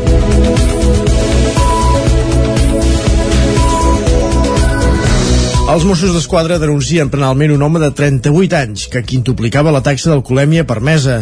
La veu de Sant Joan, Isaac Muntades. El passat dissabte, dia 9 d'abril, els Mossos d'Esquadra de l'àrea regional de trànsit de Girona van denunciar penalment un home de 38 anys com a presumpte autor d'un delicte contra la seguretat viària per conduir en estat etílic. Els fets van passar cap a dos quarts de sis de la tarda. La policia catalana va tenir coneixement que s'havia produït un accident de trànsit a la carretera C38, al punt quilomètric 3 i mig, en sentit ascendent i dins del terme municipal de Sant Pau de Segúries. Concretament, un vehicle havia perdut el control i havia xocat de forma violenta contra cinc pilons de ferro que delimitaven la via i la vorera, però també contra una estructura de ferro que s'utilitza per aparcar les bicicletes, en la qual va causar-hi danys materials. Quan els Mossos van arribar al lloc del sinistre, immediatament van assegurar la zona i van comprovar que el conductor podria trobar-se sota els efectes de les begudes alcohòliques. La policia va fer-li la prova de detecció d'alcohol amb un resultat d'1,28 mil·lígrams d'alcohol per litre d'aire expirat, és a dir, que quintuplicava el límit permès per la llei. Per aquest motiu, els agents el van denunciar penalment com a presumpte autor d'un delicte contra la seguretat viària per conduir amb una taxa d'alcohol superior a la permesa. Quan els Mossos van fer les comprovacions pertinents, van observar que el mateix conductor ja havia donat positiu en un altre control d'alcoholèmia que s'havia realitzat el mateix dia a la Garrotja. Concretament, cap a les 7 del matí, va registrar una taxa de 0,41 mil·lígrams d'alcohol per litre d'aire expirat en un control que s'havia muntat al punt quilomètric 55 i mig de la C66, al terme municipal de Besalú, i per aquest motiu se li va immobilitzar el turisme. El mateix conductor va tornar-hi al voltant de les 10 del matí per aixecar la immobilització, moment en el qual es va repetir la prova d'alcoholèmia amb un resultat negatiu. Només 7 hores després va tenir l'accident greu a Sant Pau de Segúries. El denunciat haurà de compareixer davant el jutge quan se li requereixi. Gràcies, Isaac. I ara anem cap a Vic, perquè la Guàrdia Urbana de Vic i els Mossos d'Esquadra han detingut un home de 38 anys, de Premià de Mar, com, a, com un dels presumptes autors d'un robatori la matinada passada en una botiga de material electrònic al carrer Manlleu. Els agents han recuperat dos sacs amb tot el material robat, dos ordinadors portàtils, dues tauletes digitals i 63 mòbils. A les 3 de la matinada, la Guàrdia Urbana de Vic va rebre l'avís del robatori que s'estava fent amb la tècnica del butró. El detingut, un veí de 38 anys de Premià de Mar, és un dels presumptes autors del robatori, a qui han trobat amagat en uns matolls a prop d'Osonament, sota l'Hospital Universitari de Vic. Quatre persones més van fugir per l'Avinguda Bernat Calbó, abandonant les bosses amb els objectes robats. I de fet, els comerciants de Vic es queixen d'un augment de robatoris a la ciutat i des de l'Ajuntament asseguren que no hi ha cap repunt. Diumenge 3 d'abril, a primera hora del matí, un jove colpeja amb un objecte contundent al vidre del supermercat Veritas del carrer Sant Fidel de Vic amb l'objectiu de trencar-lo i entrar-hi a robar. No ho aconsegueix, el soroll alerta els veïns i la Guàrdia Urbana l'acaba detenint. Una cosa similar va passar a la botiga Camí Rural del carrer Cardona. El lladre es va armar amb una reixa del clavegaram, va destrossar el vidre i es va emportar la recaptació que hi havia a la caixa registradora. També va destrossar l'ordinador. Des de la botiga lamenten que els costarà més diners arreglar l'aparador i els aparells informàtics que el que es van dur al lladre. Aquests són dos dels casos que en les últimes setmanes han generat malestar entre el petit comerç del centre de la capital d'Osona. Aquesta percepció d'inseguretat expressada per comerciants i veïns també s'ha reproduït, també s'han produït robatoris sobretot de bicicletes en garatges particulars, fins i tot va aparèixer en l'últim ple municipal la pregunta del regidor d'Esquerra, Albert Palou. La resposta per part de la regidora de Seguretat, Elisabet Franquesa, va ser a través de xifres. D'una banda va explicar que fa 15 dies s'havia produït una reunió amb els comerciants i va expressar la seva satisfacció perquè la situació s'havia estabilitzat. De l'altra va recordar que fa un any s'havia produït una punta de furts i fets delictius i que es va reforçar el patrullatge per seguir de prop un grup petit, identificat i molt actiu i que gràcies a aquell fet es va aconseguir reduir els robatoris. Franquesa va apuntar que tres de les persones més reincidents de la ciutat, d'aquests tres, volem dir, dos són a la presó i un altre ara mateix està hospitalitzat. També hi ha dos menors en un centre, dos més en vigilància específica i una família col·laborant molt amb la policia per resoldre els, els problemes que acumula el seu fill. Palou va agrair les explicacions, tot remarcant que era important que les percepcions es transformin en dades per evitar situacions ja conegudes. Josep Paré va accedir a l'alcaldia de Centelles l'any 2019 després d'una llarga trajectòria com a regidor al mateix Ajuntament. El seu pas per l'alcaldia ha estat marcat per l'esclat de la pandèmia, però també per impulsar projectes de gran envergadura com la rehabilitació del Palau dels Comtes o el nou servei de recollida de residus amb contenidors intel·ligents. D'aquest nou model de contenidors intel·ligents en va parlar en una entrevista al programa Angla Obert del Nou TV, on Paré va remarcar que en les proves que havien fet en tres barris, el percentatge de reciclatge s'havia multiplicat per 3. Ara el nou model s'ha estès ja a tot el terme de Centelles. Escoltem a l'alcalde Josep Paré. És un sistema que dona molta, molta flexibilitat i van fer unes proves pilot en el domicili amb tres barris molt diferents de Centelles mm. i el que ens va sorprendre molt, molt és que en els tres barris es va augmentar per tres la, la pròpia recollida d'orgànica partint de situacions molt, molt diferents i quan van fer enquestes de valoració la gent ho valorava molt positivament i com Ajuntament que som que volem estar al servei de la ciutadania i millorar el poble doncs el que hem de fer és donar facilitats perquè la gent recicli en benefici del municipi.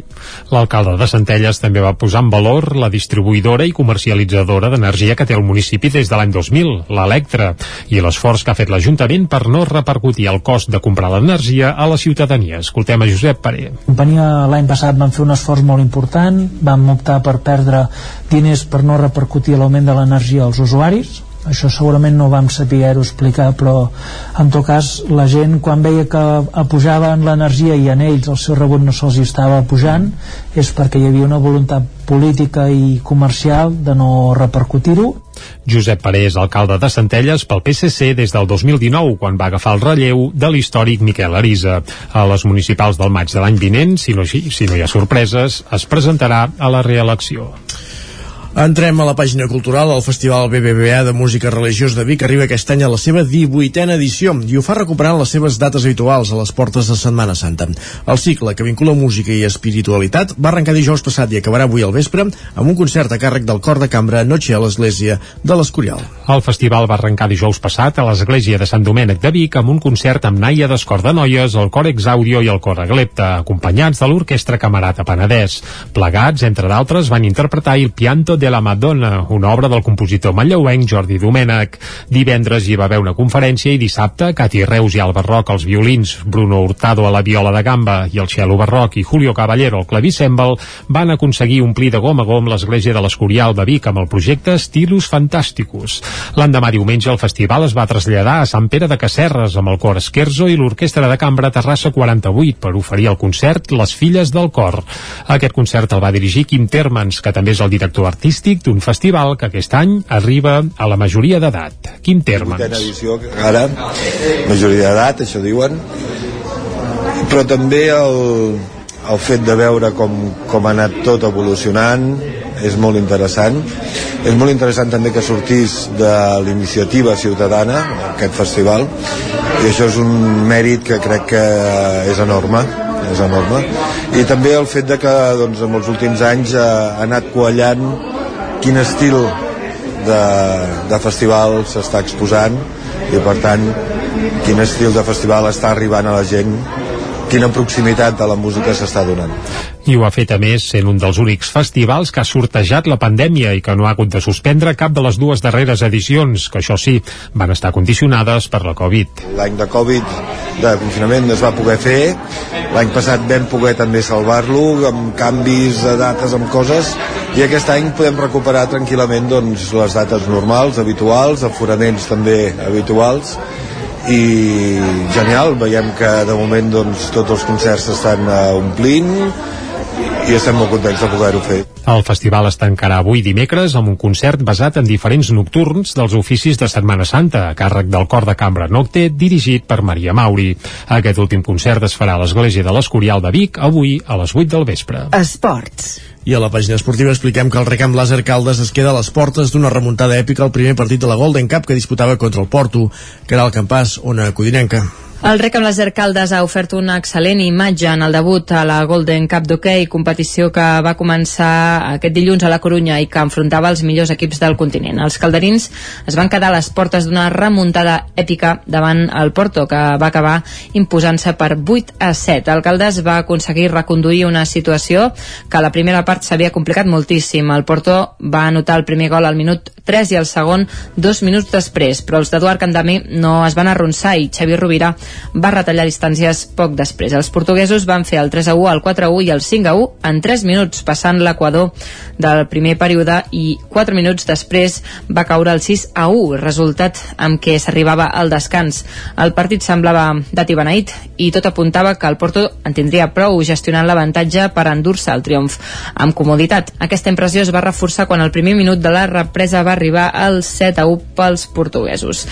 Però les tornes van començar a canviar dos minuts després, quan Cito Ricard va fer el 7 a 2 amb una rematada al segon pal i tot seguit Álvaro va fer el tercer pels calderins. El mateix Álvaro va fallar un penal poc després i el Porto va marcar 8 a 3 pràcticament a la jugada següent. La idea de la remuntada era quasi una quimera per a qualsevol que estigués veient el partit i ningú podia preveure el Festival Calderí dels últims 10 minuts. Roger Sensi i Marcos Blanquer van fer dos gols seguits, els quals va seguir una aturada de Gerard Camps al llançament de penal d'Alves. A un minut pel final, Rovira va fer el 8 a 6 de falta directa i a la jugada següent, amb un Caldes abocat a l'atac i un Porto noquejat, Álvaro va signar el 8 a 7, poc abans que la botzina sentenciés que ja no hi havia temps per més. En resum, lliçó de punt d'or d'un rec amb les arcaldes al qual li van faltar dos minuts per intentar culminar una remuntada de la qual se n'hauria sentit a parlar durant molt de temps. El proper enfrontament dels calderins a la Golden Cup serà avui mateix, a un quart de cinc de la tarda, contra el Benfica portuguès en l'última jornada de la fase de grups. N'estarem pendents, gràcies Caral i acabem aquí aquest repàs informatiu que començàvem al punt de les 10 en companyia d'Isaac Montada, Jordi Sunyer i Caral Campàs moment ara de conèixer la previsió meteorològica moment per tant de saludar en Pep Acosta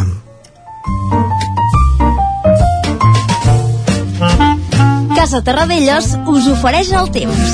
Doncs a primera hora ja l'hem escoltat, ens ha dit que avui seria un dia tapadot, amb poca pluja, la poca que vingui, això sí, amb fang, per tant, cotxes nets de cara a Setmana Santa, però a partir de demà la cosa canvia. Va, eh, li demanarem que ens ho confirmi. Pep, molt bon dia de nou. Hola, molt bon dia. I bona hora. Avui continuem amb aquesta entrada de vents de sud, uh, continuem amb aquesta petita perturbació que la tenim a sobre, molts de núvols i poca pluja molts núvols i poca pluja, eh? per tant, mal negoci, eh, malament, eh, hauria de ploure una mica més, i de moment no sembla que tingui de ploure ni molt menys els pròxims dies. Avui, això, molts núvols, pot ser que plogui al llarg del matí una mica, mm, però repeteixo, insisteixo, si plou serà molt poca cosa, mm -hmm. entre el 0 i els 5 litres a tot estirar. De cara a la tarda, eh, plourà menys i és com plourà més avui és cap a, cap a l'Ebre i cap a Ponent de Catalunya. Eh? Nosaltres quedem una mica al marge d'aquesta pertorbació. Això sí, les temperatures, al, l'haver-hi molts núvols, al bufar vent, quedaran molt frenades. Eh, les màximes, la majoria, entre els 13 i els 16 graus.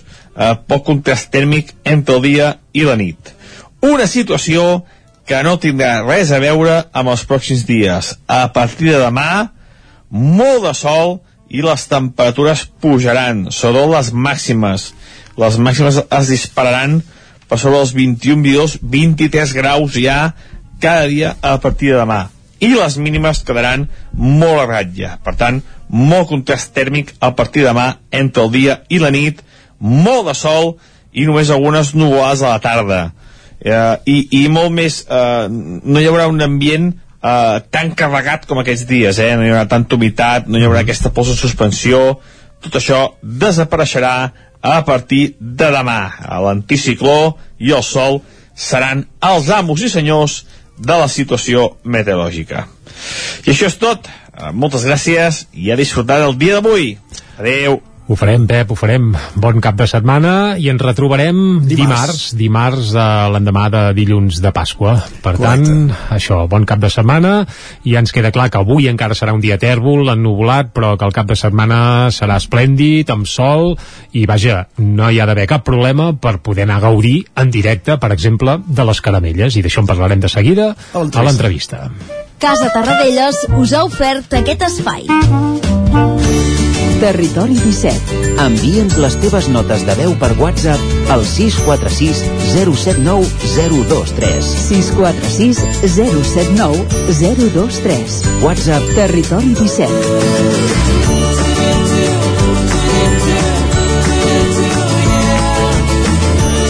Territori 17. Som a Facebook, Twitter i Instagram amb l'usuari Territori 17.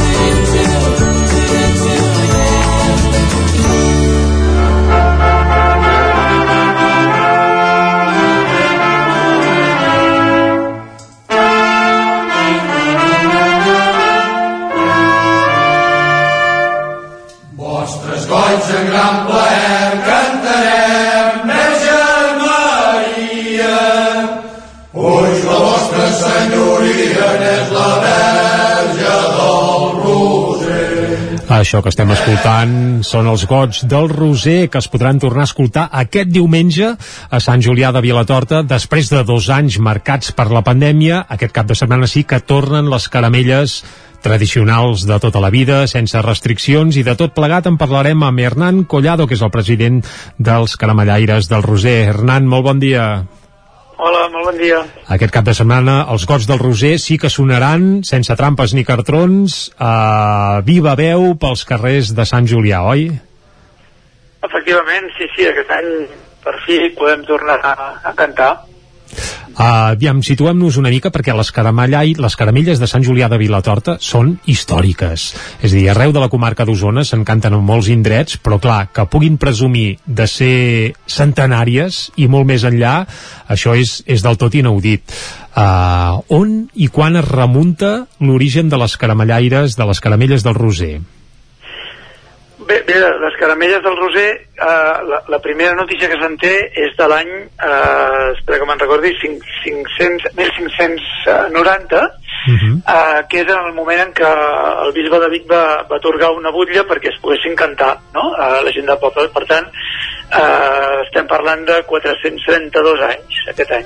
Això és, això és una bestiesa, 432 anys és moltíssim i precisament el fet de ser tan antigues i tenir un historial tan llarg fa que vosaltres no sigueu uns caramellaires convencionals, perquè clar, molta gent associa els grups de caramelles a faixes, barretines, a pobilles eh, endiumenjades i vosaltres, els caramellaires del Roser, aneu amb, amb copa, barret, eh, vaja, barret de copa i capa, volíem dir, eh, una espècie de bastó també ben curiós. Eh, D'on ve aquest atrezzo dels caramellaires del Roser?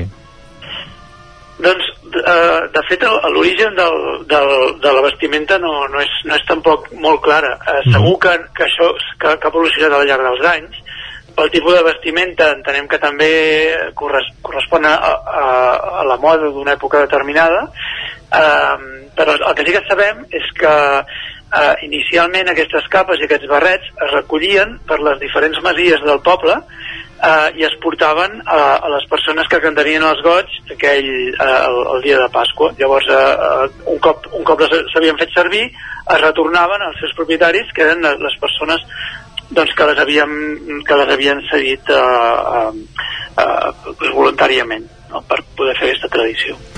I es va mantenint. I... Fins i tot, fins i tot al, al llarg dels anys, el que, llavors sí que efectivament doncs, a, a, a mitjans dels anys eh, diria 80, 70, 80 es van, es van ja fer un, un, un, un es va elaborar un, una vestimenta ja de, que, que ja era la propietat de, de l'entitat i, i que actu- actualment doncs, eh, fins i tot es van fer un, unes capes d'un color diferent pels músics, tot això ja és més modern, ja és més de 50 anys cap aquí com a molt. Però, però l'origen és aquest. Inclús hi havia un personatge que era eh, la, nana xica que era una, una senyora molt petiteta que era la que recollia aquestes capes i les portava cap a les cases dels, dels caramellaires Curiós, curiós. I aquest diumenge, a partir de les 9 del matí, aquestes capes tornaran al carrer. Uh, detallem una mica com anirà tot plegat. Us trobareu a la plaça 1 d'octubre, davant de l'Ajuntament, diumenge a les 9, i aquí començarà la corrua, diguem-ne, cerca vila per tots els carrers del centre de Sant Julià, oi? Sí, sí, eh, efectivament. Eh, Comencem a les 9, eh, fem un, un, una, un tom que, bueno, aproximadament, no, no sé si, bueno, eh, és, un, és un tom semblant al de cada any, pugem pel carrer de la Mercè, fem la volta pel carrer de Nana Xica, baixem cap al centre del poble, pla, eh, plaça Major, carrer Rector Roca, plaça, eh, carrer de la Font, eh, que això ens acosta al Parc de les Set Fonts i després eh, pugem per l'Avinguda Sant Jordi i entrem pel carrer Núria que és la- que és l'avinguda principal eh, de Sant Julià i acabem eh, altre cop davant de l'Ajuntament al voltant de quarts de 12 i en aquell moment farem una cantada conjunta amb les caramelles infantils Uh, entre d'altres, si escoltaran el som Vilatur, uh, Vilaturtins, un clàssic del vostre repertori, els gots del Roser no hi faltaran, les corrandes tampoc, però em sembla que més aquest any finalment sí que podreu estrenar Festívola, que és una cançó que ja havíeu d'estrenar el 2020, uh, música del Jofre Bardolet i el Santi Riera i lletra de l'Anton Carrera, que bé, per culpa de la pandèmia encara no s'ha pogut acabar de- d'estrenar, de, oi? Sí, de fet, de fet l'any passat es, va estrenar en una versió instrumental en un acte organitzat per l'Ajuntament a davant de bueno, la plaça Major que i es va tocar amb, una, en format de coble conjuntament amb moltes altres peces del, del repertori de les caramelles. I aquest any per fi doncs, la, podrem, la podrem estrenar eh, pels carrers de Sant Julià cantada que, que era el, el, la nostra intenció de fa dos anys Uh, expliquem una mica com heu mantingut la flama caramellaire durant aquests darrers dos anys en què no heu pogut sortir de manera convencional uh, a cantar pels carrers com fèieu habitualment. I ens has explicat que l'any passat es va substituir una mica tot plegat amb un concert amb Coble, oi? Sí, l'any passat eh, l'Ajuntament va, va, va, va organitzar això. Nosaltres, com a entitat, vam plantejar en algun moment la, la possibilitat de sortir, però sobretot en ser un acte lineal en què és molt difícil controlar aforaments. En aquell moment hi havia molta incertesa i es va descartar i també es va descartar una actuació estàtica perquè no va haver temps de fer cap assaig. Llavors, eh, eh, una copla músics professionals i tal va, va, fer, va fer possible doncs, doncs substituir-ho d'alguna manera, no? Uh, I l'any anterior, en què estàvem tancats a casa directament, Correcte. uh, el que vam fer, bueno, l'Ajuntament en aquest cas va organitzar una mena de tom amb un vehicle guarnit i tal, i nosaltres des de casa uh, vam, vam organitzar un, un vídeo... Sí, digues, digues. Sí, no, recordo una cantada eh, amb gent des dels balcons de casa seva i un cotxe que circulava pels carrers de Sant Julià amb altaveus, doncs posant-hi una mica la, la música. Crec que va ser una mica aquest, eh? El, el... Sí, bueno, de, de fet van ser les dues coses. Per una banda, durant el matí va haver aquest tom i a les 12 vam, vam reproduir un, un directe de YouTube, que en aquell moment encara eren bastant, una cosa bastant rara. Uh, la vam, uh, vam reproduir en directe la música Mhm. perquè tothom la pogués uh, escoltar des de casa i cantar des dels balcons, o inclús reproduir-la amb altaveus des dels balcons. I llavors això, sobretot als carrers més densament poblats del poble, que és un poble bastant extens, però, però als carrers que realment hi ha, hi ha bastant d'habitatge, doncs va sonar pel, pels balcons i, i la gent la va cantar. Mhm. I aquest any, per fi, torneu a fer caramelles convencionals, però clar, el tema dels assajos tampoc ha estat com sempre, perquè habitualment començàveu a assajar abans de Nadal, anar esmolant les eines per preparar-vos per Pasqua. Aquest any els assajos van començar més tard, oi? Sí, hem començat a mitjans de febrer. Uh -huh. I ho teniu llest ja? Ho teniu llest, això? Uh, Déu-n'hi-do, la veritat és que, és que un, un, dels, un dels reptes era això, no, no només mantenir la flama al poble, evidentment tothom té ganes no, que hi hagi caramelles i tal, però dos anys sense cantar volia dir, doncs, eh, doncs volia dir eh, trobar-nos una mica rovellats, no? I, Mhm. i realment ens ha sorprès doncs, que, Que de rovell no n'hi ha. que, sí, sí, que la cosa torna a sonar, Mhm. eh, hi ha gent que s'ha fet gran, hi ha gent que, que ens falta, evidentment, però també hi han incorporat, s'han incorporat eh, gent, gent jove de, de nova formada, vull gent, eh, tenim quatre caramellaires de, de 15 anys. Home, això és un Eh, festival. Sí, Mhm. sí, sí. I, i, i altres de no tan joves, però, però que també estan a la vintena. Perquè ara, ara mateix quants cantaires formaríeu o formeu al cor dels caramellaires del Roser? Doncs al voltant de, al voltant de 35. Uh -huh. I havíem, havíem baixat, de fet havíem baixat, eh, si no hi havia novetat, havíem baixat a, a, 20, a 25, 28, eh, però hem recuperat, hem recuperat, hem recuperat números semblants a, abans de la pandèmia, que és el que es diu en tot, no? Eh, Doncs, Tornem a estar una miqueta en aquest, eh, en, en un número de cantaires bastant, bastant interessant. Uh, Hernán Collado, els caramellaires del Roser i la tradició caramellaire del Roser també va lligada a la, plec, a la plec caramellaire que es farà en aquest cas el 24 d'abril, l'endemà de Sant Jordi, que arribarà aquest any ja a la 43a edició i també es porten dos anys en què no hi ha hagut a plec caramellaire. Allà també cantareu, oi? Sí, sí, allí cantarem tant, tant, el, tant el cor de caramellaires com les caramelles infantils, com l'altre coral del poble, que és Camps i Rialles. I a part vindran tres corals de- d'arreu de, de Catalunya. Una de Catalunya Nord, una de Lleida i l'altra, ara no me'n recordo, però diria que és de la Noia. Uh -huh. Bé, el que és important és que la plec caramellaire també es recupera després de dos anys d'absència i que en aquest cas es farà com es fa també habitualment el cap de setmana següent eh, a la Pasqua. En aquest cas serà el dia 24 d'abril també a Sant Julià de Vilatorta. Mm, Hernán, eh, què estrenareu aquest any? O serà el festívola? Perquè habitualment els caramellaires del Roser també cada any estreneu una peça. Serà el festívola en aquest cas, sí? Sí, sí, sí. Uh -huh. En aquest any, aquest any tornem a... Aquest any estrenem finalment a Festívola. Cada any és, efectivament, cada any eh, eh, s'estrena una peça composada per un compositor local i en aquest any és aquesta tan especial que va començar en Santi Riera i va acabar en Jofre Verdolet i que a més va quedar per estrenar perquè el 2020 no va ser possible i, i és ara que l'estrenem.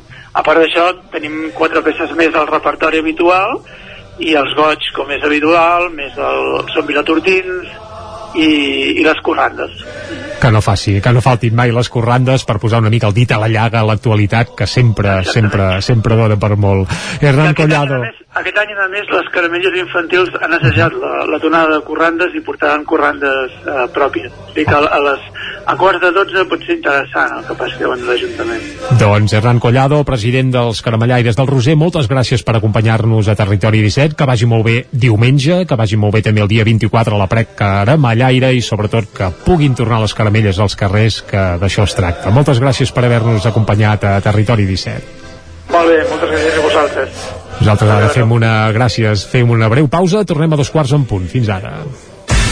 El nou FM, la ràdio de casa, al 92.8. Estàs afectat pel càrtel dels cotxes? Si vas comprar un cotxe entre el 2006 i el 2013, pots recuperar fins a un 15% del preu de compra. Contacta amb Canet Advocats i et tramitarem la reclamació en col·laboració amb Redi Advocats, un despatx d'abast estatal amb més de 40.000 afectats, sense pagaments, sense riscos i sense judicis. Només cobrem si tu cobres. Truca al 93 883 3223. Cobertes serveis funeraris. Els nostres tanatoris estan ubicats en els nuclis urbans més poblats de la comarca d'Osona per oferir un millor servei. Tanatori de Vic, Tanatori de Manlleu, Tanatori de Centelles i Tanatori de Roda de Ter. Sabem que són moments difícils i per això el nostre compromís és atendre-us en tot moment amb un tracte humà, sensible i respectuós. Cobertes serveis funeraris. Telèfon 24 hores 93 883 23 46. Això és el que s'escolta al voltant d'una caldera saunia d'Oval. Tranquilitat i benestar, perquè gaudeix del millor manteniment del servei tècnic oficial per estar despreocupat. O el que vulgui. Informis a Oficiat Nord trucant al 938860040. Saunia d'Oval, sempre al seu costat. Rètols 2A. Experts en comunicació visual. Rètols, banderoles, vinils, impressió, plaques gravades, senyalització, display... Rètols Dos Art. Ja són 25 anys al vostre servei. Ens trobareu a la carretera de Vic a Olot, número 7, al polígon Malloles de Vic. dosartvic.com Telèfon 93 889 2588. La Clínica Dental Sant Fortià hi trobareu un equip professional que treballa de manera coordinada per oferir un tracte sensible i humà. Estem preparats per qualsevol urgència dental i oferim accions preventives per la tercera edat i els infants. El doctor Ramon Garcia, implantòleg de Barcelona, fa 10 anys que visita Torelló. Clínica Dental Sant Fortià. Ens trobareu a la plaça Sant Fortià número 9 de Torelló al 93 859 6408 i al 690 92 51 99. Cocodril Club. Si t'agrada la bona música dels anys 60, 70 i 80, escolta el 9 FM als matins de dissabtes i diumenges d'11 a 1. És el temps del Cocodril Club, tot un clàssic de la ràdio, amb les bases del pop-rock, les llegendes, les cançons que s'han convertit en autèntics himnes. Recorda, dissabtes i diumenges al matí, d'11 a 1, al 9 FM 92.8. Cocodril Club, el programa revival de l'Albert Malla. Hasta luego, cocodrilo. En punt, ara sí, al territori 17, dos quarts d'onze.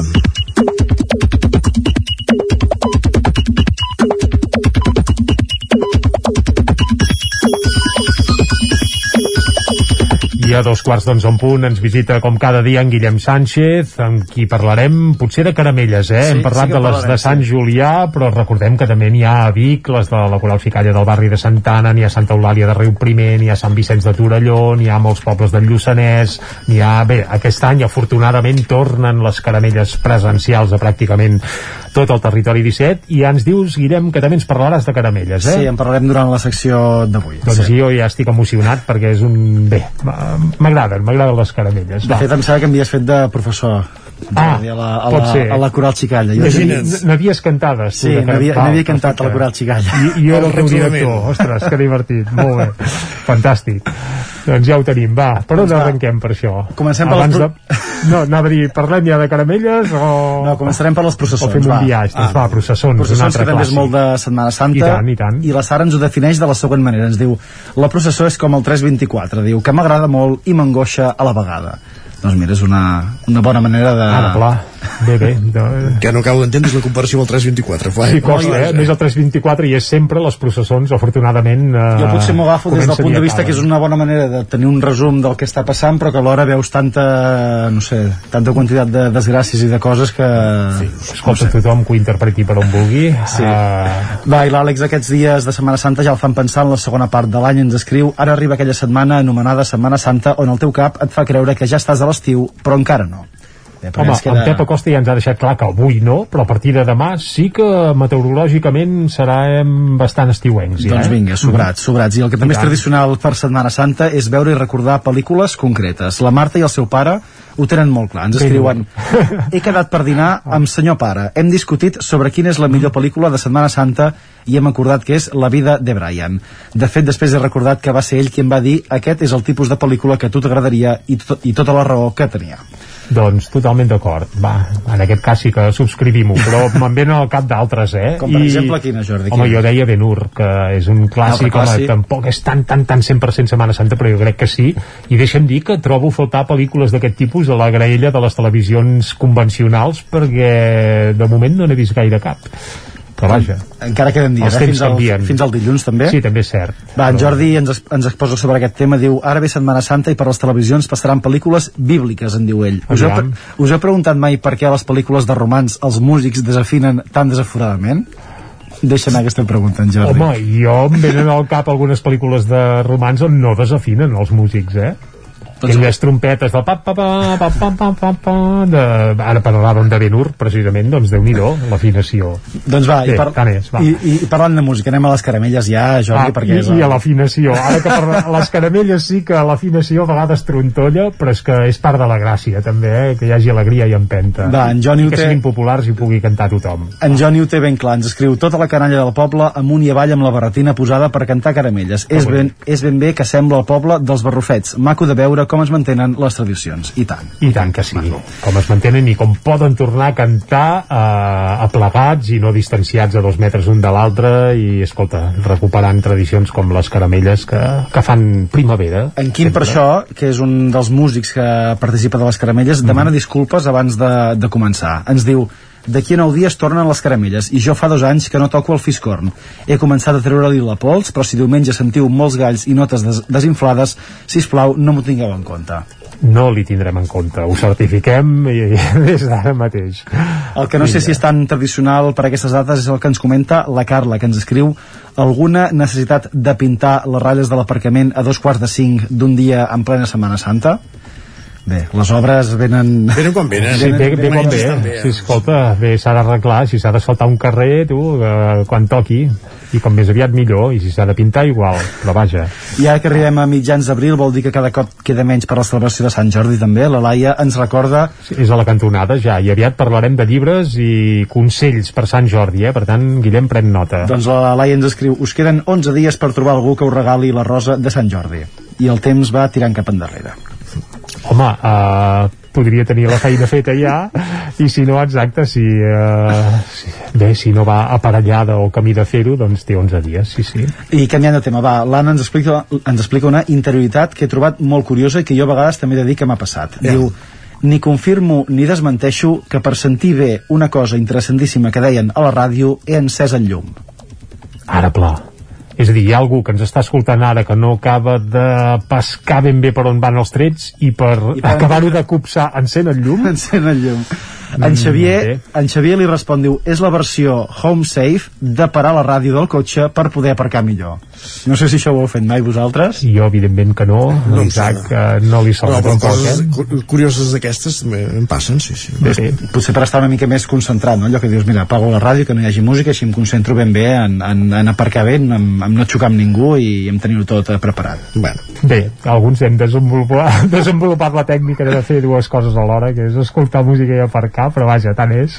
Bé, bé. Va, i per Seguim. acabar, una confessió del nostre estimat Jofre Verdolet, que ens diu... Home, autor, per cert, de de Festívola, una caramella que s'estrenarà aquest diumenge a, a Sant Julià de Vilatorta. Doncs mira, en Jofre ens escrivia aquesta setmana acabem de descobrir amb la Mar que l'altre dia van fer un censpa, que entenc que és un simpa però a la catalana.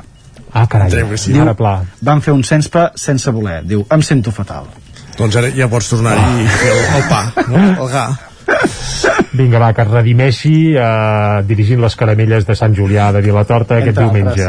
T'has Ah, oblidat, t'has oblidat, però, Guillem, del millor tuit de la, de les veure. darreres hores. Eh? Ep, Josep exacte, Capdevila va. diu ¿Hay algún otro equipo en el mundo que jugando tan mal como el Madrid obtenga tan buenos resultados? És que ja no, ja no he volgut treure, treure el tema, Isaac, perquè ja no, no, no crec que va- valgués la pena, ja ens vam fustigar prou ahir al, al vespre Però i... algú ha de dir, està, home. Doncs va, queda, queda dit, doncs. És que algun tuit futbolístic l'havien de fer, sí, sí. Ben bona aportació de l'Isaac per tancar a la secció de piulades. Guillem, que vagi molt bé. Gràcies. Aniràs a cantar caramelles, sí o no? A cantar-les no, però escoltar-les no es descarta, no es descarta. Doncs va, va, no ho descartis. I nosaltres tampoc descartem fer un cop d'ull a les portades del 99.cat. Arrenquem pel Vallès Oriental, que explica ara mateix que un ciclista de 55 anys està ferit molt greu en una topada amb un cotxe a Granollers. Això és molt recent. També unes 250 persones recullen el kit del porta a porta en el primer dia de repartiment a la Garriga. Recordem que a la Garriga ben aviat tindran el sistema porta a porta de recollida de deixalles i també que la, UG, la UGT desconvoca la vaga del servei de recollida precisament també de Brossa que hi havia convocat a Montornès. Al final no faran vaga. Anem cap a Osona i el Ripollès. El titular principal per al millor marrà, que és de Can Miquel de Merlès. Això va ser en el concurs d'ovella ripollesa que es va fer en el marc del Mercat del Ram aquest passat cap de setmana i també una, una última hora i és que els Mossos desmantellen un grup criminal que s'havia especialitzat en organitzar macrofestes il·legals durant la pandèmia. Algunes d'aquestes festes en cases rurals d'Osona. déu nhi Doncs vinga, queda recollit. Gràcies, Jordi. El que fem ara és anar cap a la redacció.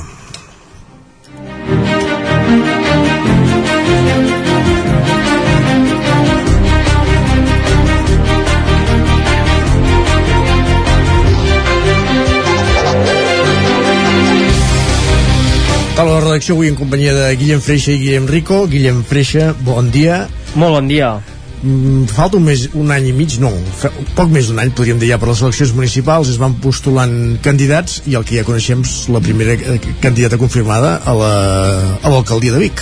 Doncs eh, sí, fa una setmana recordo aquí mateix en aquest eh, estudi que parlàvem del ple de Vic on havia sortit aquesta idea de benvinguda campanya electoral doncs eh, dit i fet perquè eh, al cap de tres dies d'aquest eh, ple municipal de Vic Esquerra Republicana amb la seva secció a la capital d'Osona, la seva secció local va convocar assemblea per escollir eh, qui serà la cap de llista de les eleccions eh, a l'alcaldia de la ciutat de Vic al maig del 2023. Eh, la única candidatura que es va presentar va ser la de Maria Balàs, que l'actual cap de llista, ja és regidora també a l'Ajuntament de Vic, i els militants hi van donar el vistiplau amb 16 vots a favor i 5 vots en blanc. Per tant, Esquerra Republicana que confirma que Maria Balasc serà la candidata en aquestes eleccions que, com bé deies, hi haurà d'aquí un any. Les seves eh, paraules eh, en el moment de, de prendre possessió o d'explicar aquest pas endavant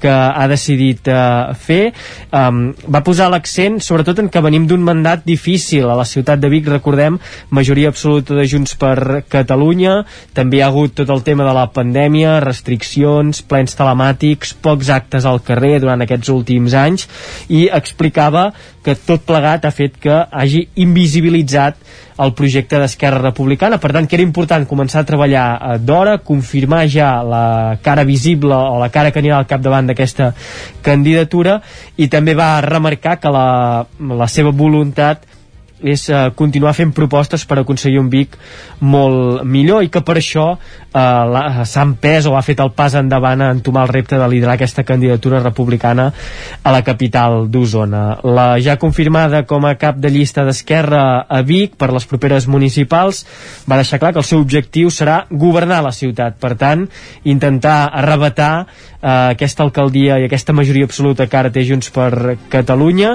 Ell, ella, Balasc, pensa en una ciutat eh, amb visió de nord fins a sud, eh, per tant, amb una visió extensa eh, de la ciutat, i tampoc tancava portes a, a pactes. Deia això, eh, que l'objectiu és, és governar, fer una altra manera eh, una altra manera de fer política a la ciutat de Vic i que per aconseguir-ho doncs, es, es valoraran eh, pactes i enteses amb, amb, ella parlava per exemple amb els diversos amb les diverses forces polítiques que hi ha ara mateix al, al consistori Capgirem, el Partit Socialista la mateixa eh, Esquerra Republicana i Junts per Catalunya amb les forces democràtiques del consistori biguetà, però que el seu objectiu amb la idea que sortia en aquesta, ja podríem començar a dir mm, precampanya electoral és la d'aconseguir governar la ciutat de Vic com a primera alcaldessa republicana. Una Maria Balàs que, com dèiem, eh, acumula ja força experiència en el consistori biguetà. Ella es va estrenar en una llista del grup republicà en els comicis de l'any 2011. En aquella ocasió no va entrar a l'Ajuntament de Vic, sí que es va estrenar com a regidora el 2015 anant com a número 2 d'una llista que encapçalava Joan Ballana i el 2019 ja va assumir la responsabilitat de ser la cap de llista. En aquella ocasió va mantenir els 5 regidors que Esquerra Republicana havia obtingut 4 anys abans.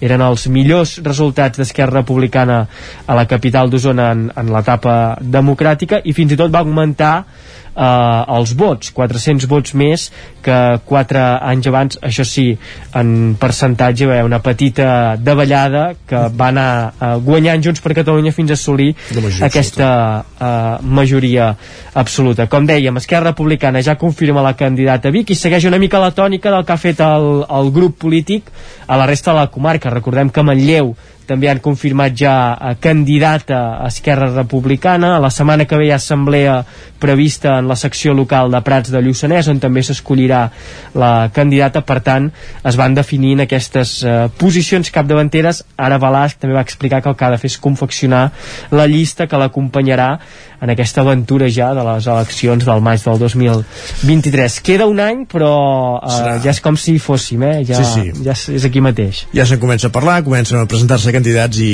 eh, arribarà un moment que només parlarem d'això pràcticament. Exacte. Gràcies, Guillem. Adeu. Adeu.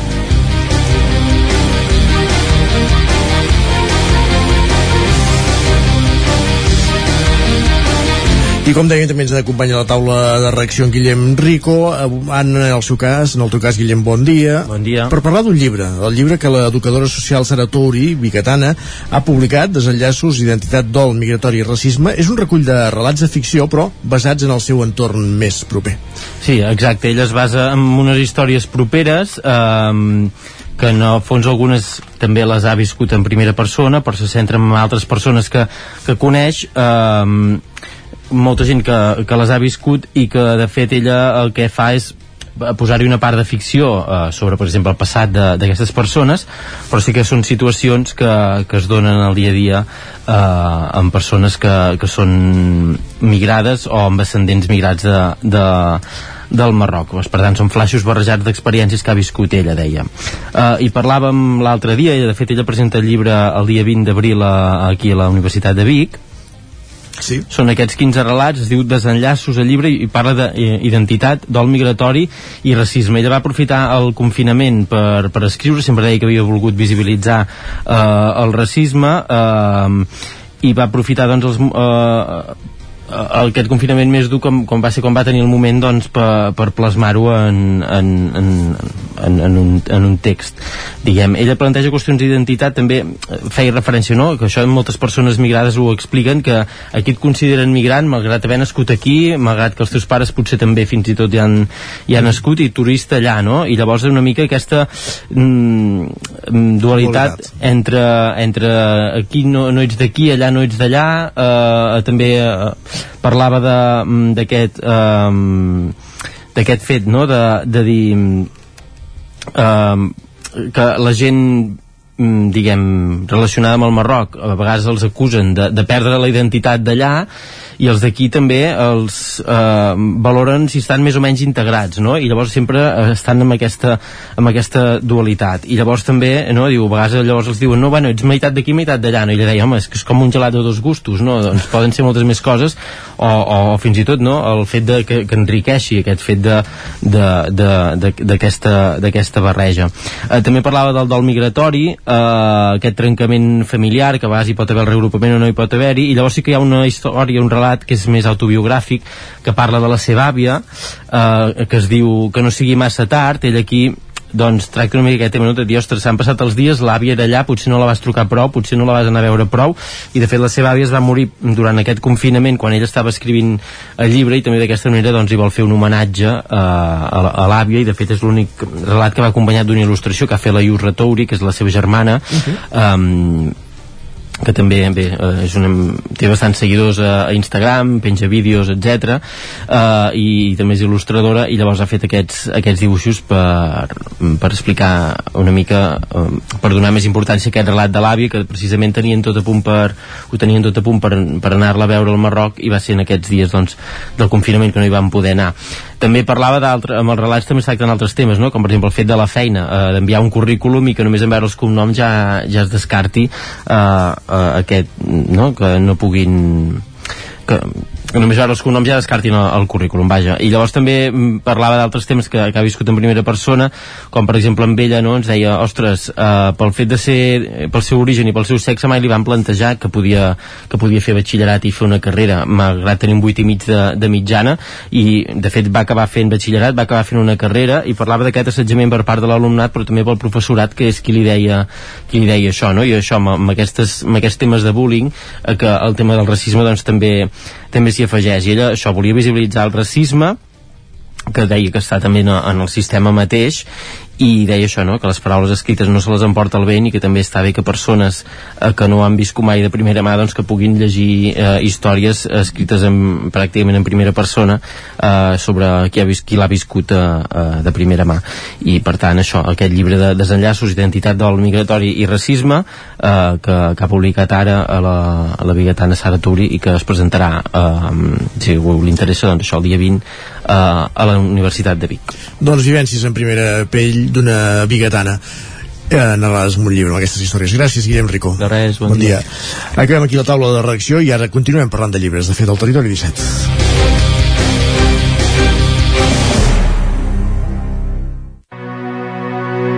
Territori 17 El 9 FM, la veu de Sant Joan, Ona Codinenca, Ràdio Cardedeu, Territori 17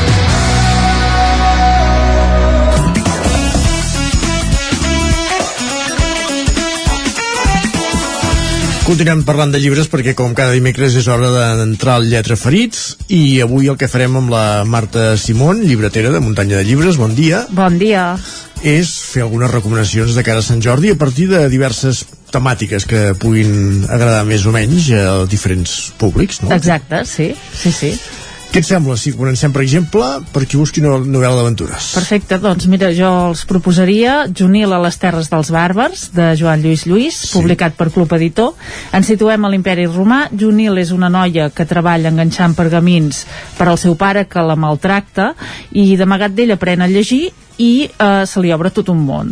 Un dia per circumstàncies que no desvetllarem perquè si no ja no tindria gràcia doncs fuig del poble acompanyada de tres esclaus. Fugen de l'imperi a través de les terres dels bàrbars d'aquí el títol del llibre i el que van és a la recerca del poble dels alans que on, segons diu segons diuen eh, les veus doncs no hi ha esclaus. I a poc a poc se'ls anirà afegint més gent al llarg del viatge. Aquesta obra va guanyar el Premi Òmnium i és una gran novel·la d'aventures i alhora un homenatge a la literatura i sobretot a la tradició literària oral. Uh -huh. Doncs una proposta de novel·la d'aventures. Qui tingui ganes d'un bon clàssic? Doncs mira, jo els proposaria Geneir, de Charlotte Bronte, que acaba de publicar a Viena, amb traducció de Marta Pera. És la darrera novetat de la col·lecció del Club Victòria, que ja n'havíem parlat algun cop, em sembla, aquí eh, amb vosaltres. Un clàssic imprescindible, que és alhora un cant a la llibertat de la dona a la societat victoriana. Geneir és una nena pobra, òrfana, que viu amb la seva tieta, que sempre és cruel i insensible amb la seva neboda, eh, és internada en una escola on creix a base d'humiliacions i maltractaments fins que després d'aquesta etapa de formació doncs decideix que vol ser institutriu i troba feina en una enorme i misteriosa mansió on té eh, la feina d'educar la filla del propietari que és un home de caràcter molt sec, molt aspre i tormentat pel passat però tot comença a canviar quan aquest senyor, el senyor Rochester descobreix el plaer inesperat de conversar cada vespre amb la Jane Uh -huh. Doncs ens l'apuntem també. I els aficionats de la novel·la més contemporània? Jo el recomanaria Bona sort, de Nicholas Butler, publicat per edicions de Periscopi. És la segona novel·la que tenim traduïda al català eh, gràcies a Periscopi, amb traducció de Marc Rubió. L'autor es va donar a conèixer amb Canciones de amor a quemarropa i Algo en lo que creer, i ara els seus seguidors estem d'enhorabona perquè doncs, en tenim un altre i a més a més en català. Bona sort se situa en un petit poble de muntanya dels Estats Units, eh, els protagonistes són tres amics que tenen una constructora amb la que van tirant, però tampoc sense gaire fortuna, i un dia reben una proposta que els pot canviar la vida. Una dona els ofereix una, una prima molt elevada que els farà multimilionaris si acaben de construir-li una casa en un espai eh, molt complicat d'accedir-hi en un termini pràcticament impossible. Llavors la novel·la ens planteja fins on estem eh, disposats a arribar no, per, aquesta, per aquesta riquesa. És molt recomanable. Doncs bona sort pels que prefereixen una novel·la fantàstica. Doncs jo els recomanaria La llum fantàstica de Terry Pratchett, publicat per Mai Més. Uh, Mai Més va revolucionar l'any passat el món de la literatura fantàstica en català amb l'anunci de la publicació en català de tota l'obra de Terry Pratchett, que són una quarantena de llibres. I des de llavors ja n'han anat publicant uns quants. El darrer és aquest, que acaba de sortir, La llum fantàstica, és la segona novel·la de la sèrie Els Mags i és on els protagonistes d'un altre llibre, El color de la màgia, acaben el viatge que van començar en aquest primer llibre i que els porta a intentar evitar la destrucció, la destrucció del disc món que és el món en què se situen les històries de Pratchett. A banda de la història, en aquest llibre també hi trobarem l'article Com ser boxejador professional, en el qual l'escriptor dona consells a escriptors novells. Molt bé. Aquest que ara gairebé me l'imagino, eh? Per als que s'interessen per la cuina i la vida sostenible en general, Cuina o Barbària. Exacte, Cuina Barbària, de Maria Nicolau, publicat per Ara Llibres. Uh, la cuinera del restaurant El Ferrer de Tall, de Vilanova de Sau, és coneguda per molta gent doncs, per les seves intervencions a, a la ràdio i també potser la seguiu a les xarxes socials, que és molt activa. I aquest és un llibre on combina receptes amb consells també i reflexions sobre maneres d'entendre la vida i la cuina. O sigui, és un llibre que va molt més enllà de la, de la cuina. Un llibre, això, on hi trobarem receptes, però també història, ciència, fins i tot diria que filosofia, tot amb l'estil aquest tan directe que la caracteritza eh, amb ella. Uh, per exemple, ens parla de la importància de tenir un bon rebost uh, a la cuina per poder estalviar i alhora menjar més sa o de la necessitat tothom de saber cuinar, de saber uns mínims, més que res perquè no ens prenguin el pèl, fins i tot quan anem al restaurant, no? Uh -huh. Doncs ens l'apuntem també, Cuina o Barbària, eh, més llibres, més propostes per passar una bona estona amb la família. Doncs mira, jo us proposaria on és l'Estela, Història de Catalunya, Eh, perquè també em sona. de l'editorial Coma Negra, amb dibuixos de Xevi Dom, que és Sí. d'aquí de la comarca.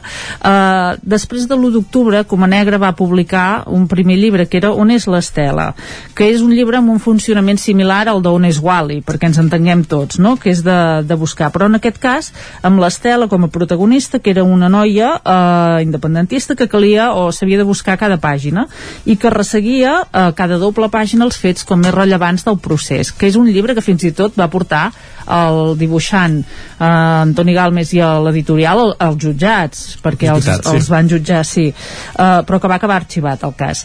Després d'aquest primer llibre en va arribar un altre dedicat a les festes i tradicions catalanes i ara publiquen On és l'Estela, Història de Catalunya que és eh, un bon dia, l'Estela agafa la màquina del temps i viatja per Catalunya al llarg de les diferents èpoques. Tenim la prehistòria, la íbera, la romana, la modernista, la republicana, la dels Jocs Olímpics. Per tant, podeu passar una bona estona intentant trobar l'Estela i, a més a més, coneguent doncs, una mica més de la història de, del nostre país. Molt bé, doncs l'Estela. I pels amants de les històries crues, què podem recomanar? Doncs una altra que ens queda bastant a prop, Guilleries de Ferran Garcia, Sí. eh, publicada per Males Herbes. Eh, és un dels llibres que més s'està venent gràcies al Boca Orella. De fet, eh, no podíem deixar de recomanar-lo nosaltres, tenint en compte que el llibre se situa, està ambientat a la plana de Vic, Mhm. a finals del segle XIX, amb boscos i pobles marcats per la sang i la brutalitat. Eh, Garcia ha escrit una novel·la de formació amb un jove protagonista, en Boi, que per circumstàncies de la vida ha de deixar la seva família i marxar lluny de casa. Llavors anirem seguint totes les seves peripècies. Dic que és per als amants de les històries crues perquè la història eh, ens trasllada un món ple de dolor, de patiment, de culpa, eh, amb força violència, però tot plegat Garcia ho fa amb un estil molt poètic que ens ajuda a superar aquesta brutalitat i alhora ens atrapa eh, molt per continuar llegint. Molt recomanable també. Doncs també ens l'apuntem. Ganes de resoldre un bon misteri. No sé si estem parlant de novel·la negra ara. Exacte. Doncs, doncs mira, El mentalista, de Camila Lackberg, publicat per Columna en català, eh, en aquest gènere, un dels llibres eh, que segur que es vendrà més per Sant Jordi serà aquest, del mentalista, eh, és una de les escriptores, Camila Lackberg, més venudes en, en aquest tipus de novel·la. En aquest cas, Lackberg s'ha unit amb Henrik Faixeus, que és un mentalista de gran prestigi i un expert en tot allò que fa referència al llenguatge i a la comunicació corporal. I en aquest cas, els protagonistes són una policia i un mentalista que s'enfronten a diversos assassinats en sèrie. És una trama que enganxa, una narració molt àgil, amb personatges ben construïts, amb els quals el lector de seguida empatitza i per tant ens farà passar una bona estona. Perfecte. Idees per sortir a fer una excursió. I suposo que anem més enllà del Descobrir Catalunya, eh? Sí. doncs mira, és una guia de, de l'Alpina, de la col·lecció sí. Camins de l'Alba, que ara n'han fet una col·lecció que és Camins de l'Alba més, i en aquest cas ens, ens quedem al Montseny El 2006 es va fer una primera edició amb 20 rutes pel Montseny per tota la família i ara s'ha fet una nova edició ampliada amb rutes més elaborades, més explicades, més fotografies, amb més contingut, però mantenint la practicitat d'aquesta col·lecció, que són llibres petits eh, i que es poden portar de seguida a la motxilla, però a més a més amb la qualitat d'alpina. Doncs una altra recomanació que ens apuntem, anem acabant per als joves de la casa, va. Sí. Literatura juvenil. Aristòtil i Dante es capbussen en les aigües del món, eh, de Benjamin Alire Sainz, publicat per l'altra tribu. L'altra tribu és el segell infantil i juvenil de l'altra editorial i és un segell molt interessant amb propostes molt atractives. El llibre que us proposem avui és la continuació d'Aristòtil i Dante descobreixen els secrets de l'univers. En aquella ocasió els protagonistes van descobrir l'amor i ara hauran de tenir-ne cura i avançar en un món que no els posarà les coses fàcils. I acabem. Recomanació pels més petits de la casa. Sunakei, de Meritxell Martí i Xavier Salomó, publicat per Flamboyant, un àlbum il·lustrat preciós, que és un o dels nostres mars i un himne a la necessitat de protegir el planeta. El tàndem creatiu Martí Salomó, que ja ha donat molt bons resultats en altres casos, aquí se supera i han estat treballant 3 anys i les protagonistes són dues germanes, la Suna i la Kei, que sobreviuen en una illa feta de plàstics enmig d'un mar sense rastre de vida, però un petit accident canviarà el rumb de les coses. Doncs tot a punt per Sant Jordi. Serà aquest dissabte no, el següent, el dia 23 d'abril. Cau en dissabte aquest any com, com es prepara des del món llibreter tot plegat, com es viu? Amb molta il·lusió. Aquests, molta voràgina aquests dies, eh, Exacte, Marta? sí. Ara molts nervis, eh, però bé, molta il·lusió i moltes ganes. Tenim ganes ja d'acabar de recuperar definitivament el que, el que és aquesta festa i jo crec que aquest any, si el temps acompanya, no? que se sol dir, doncs s'aconseguirà i per tant jo crec que anirà molt bé això I el fet que estigui dissabte? també, eh, en aquest cas aquí vi que més coincideix amb el mercat no? és, eh, doncs s'haurà de combinar les dues coses però bé, ja es veurà aviam, aviam com va Perfecte. Marta Simón, moltíssimes gràcies, bona Setmana Santa i bon Sant Jordi. Igualment, Si que vagi abans. molt bé. Bon dia.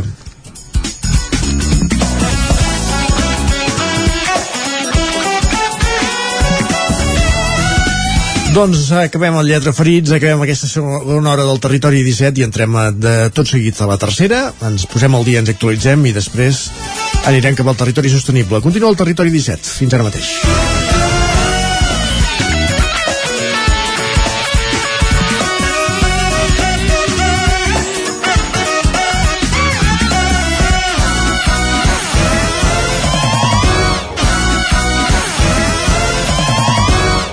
Ara mateix en punt, les 11.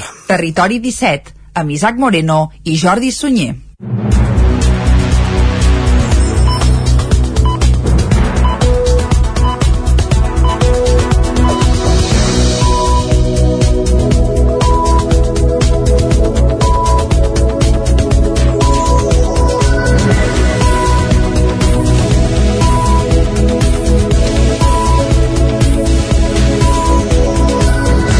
Moment de posar-nos al dia al territori 17 per explicar-vos que el Consorci Hospitalari de Vic crea un parc fotovoltaic a les teulades dels hospitals de Vic i Manlleu que generarà el 14% de l'energia que consumeixen els dos centres. Són en total gairebé 1.500 plaques que s'instal·laran a les cobertes dels dos equipaments i que han d'entrar en funcionament a principis de l'any que ve. La inversió supera els 630.000 euros. Les plaques fotovoltaiques s'instal·laran a les cobertes de l'Hospital Universitari de Vic i a l'Hospital Sant Jaume de Manlleu. A Vic també se'n col·locaran a la teulada del nou edifici dels laboratoris que està en construcció i en un edifici de serveis. A l'Hospital Sant Jaume de Manlleu seran tots a la coberta. En total, 1.413 plaques que haurien d'entrar en servei a principis de l'any que ve amb una potència de 635 quilowatts que es destinarà a l'autoabastiment energètic dels dos hospitals.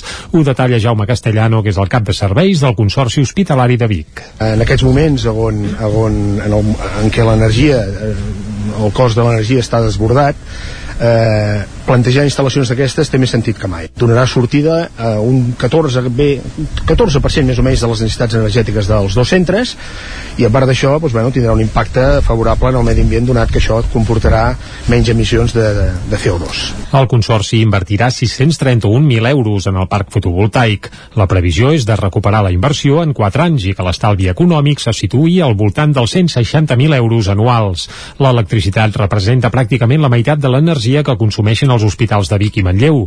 L'altra meitat s'obté del gas natural.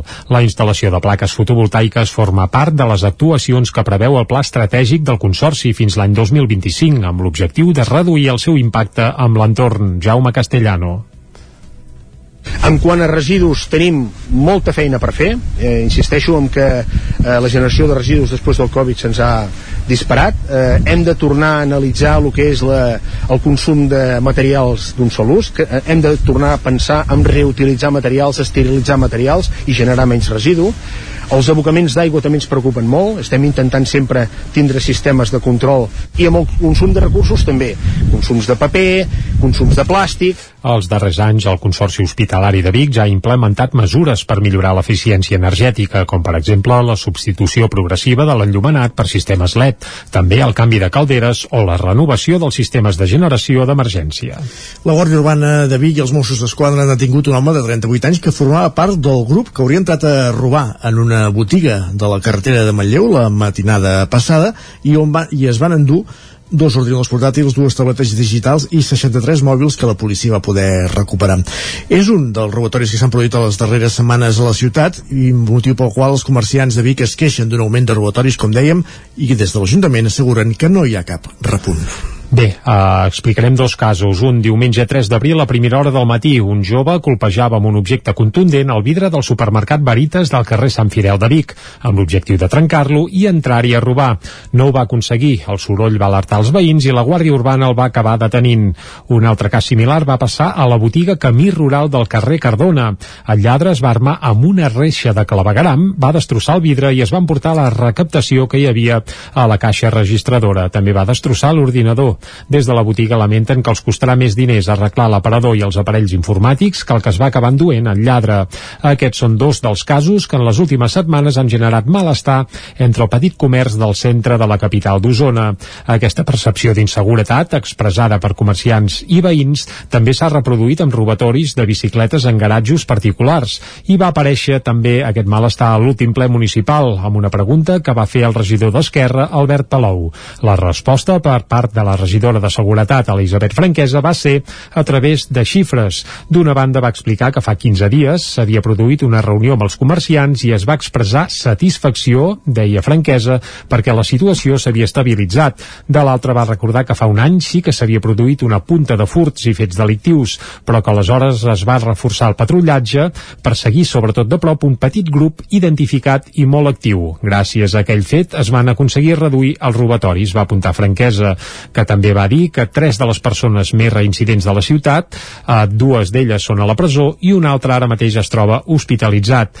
També hi ha dos menors en un centre, dos més en vigilància específica i una família col·laborant molt amb la policia per resoldre els problemes que acumula el seu fill.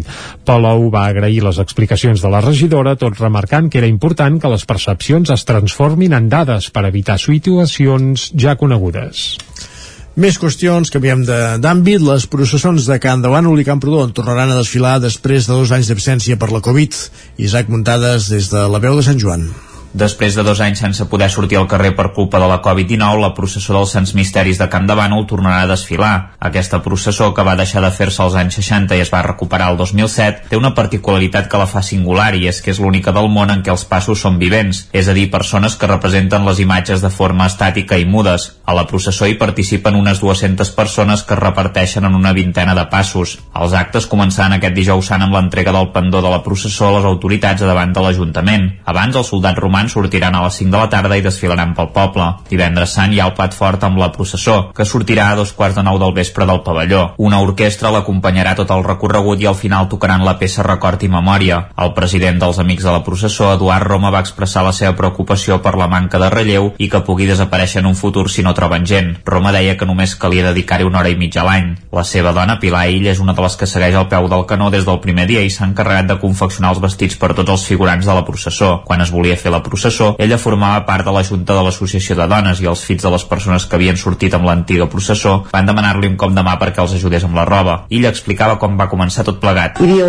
una de les sòcies que havia fet tota la vida de modista i ella ens va fer els patrons. I llavors ja vam anar a mirar de comprar roba, que la vam anar a comprar a Borredà, perquè allà és un magatzem molt gran, necessitàvem molts metres perquè ja teníem molta gent fer vestits. I llavors ja les instal·lacions del que és ara la sala d'allà al centre cívic eh, estava cedida a l'associació de dones. Doncs llavors allà hi havia unes taules molt grans i allà ens anava molt bé per tallar vestits. I allà tallàvem, tallàvem, tallàvem, tallàvem vestits, fèiem més d'una mida, dues mides, per més alts, més, ja eren mides estàndards o menys, però fèiem dues mides fèiem, tant per homes com per dones. Al principi hi havia diverses àvies voluntàries que cosien a màquina, però ara només queden ell i una amiga. Ella recordava que van començar a fer els vestits a finals del 2006 per tenir-los a punt per a principis d'abril. En total n'hauran fet més de 300. Els dels penitents que porten el cucurull són els més comuns, però també n'hi ha força de romans que al principi no els sabien fer i en van encarregar dos de mostra a Vic per replicar-los. Amb els anys s'han anat perfeccionant tots els vestits i fins i tot els homes van aprendre a cosir, ja que el cuir dels romans s'havia de fer amb una màquina industrial. La processó de Camp de Bànol no serà l'única que tornarà després de dos anys d'absència, perquè la dels Sants Misteris de Camprodon també tornarà a sortir. Els actes començaran el dijous Sants amb la concentració del maniple al monestir de Sant Pere a les 8 del vespre. Tot seguit hi haurà una desfilada fins a la Porta de Cerdanya, on les autoritats municipals faran entrega de la massa als soldats romans. Divendres al matí els romans sortiran de la plaça de Santa Maria fins a l'església del Carme, on hi haurà una concentració i la sortida del Via Crucis, més coneguda com la processó de les dones. La tropa de romans es dirigirà al geriàtric, on es farà una retreta dedicada als assistents. El plat fort també serà divendres sant a les 9 de la nit. La processó arrencarà des de les escales del monestir amb el retaule de la Passió i després de fer un recorregut per la vila acabarà a l'església del Carme.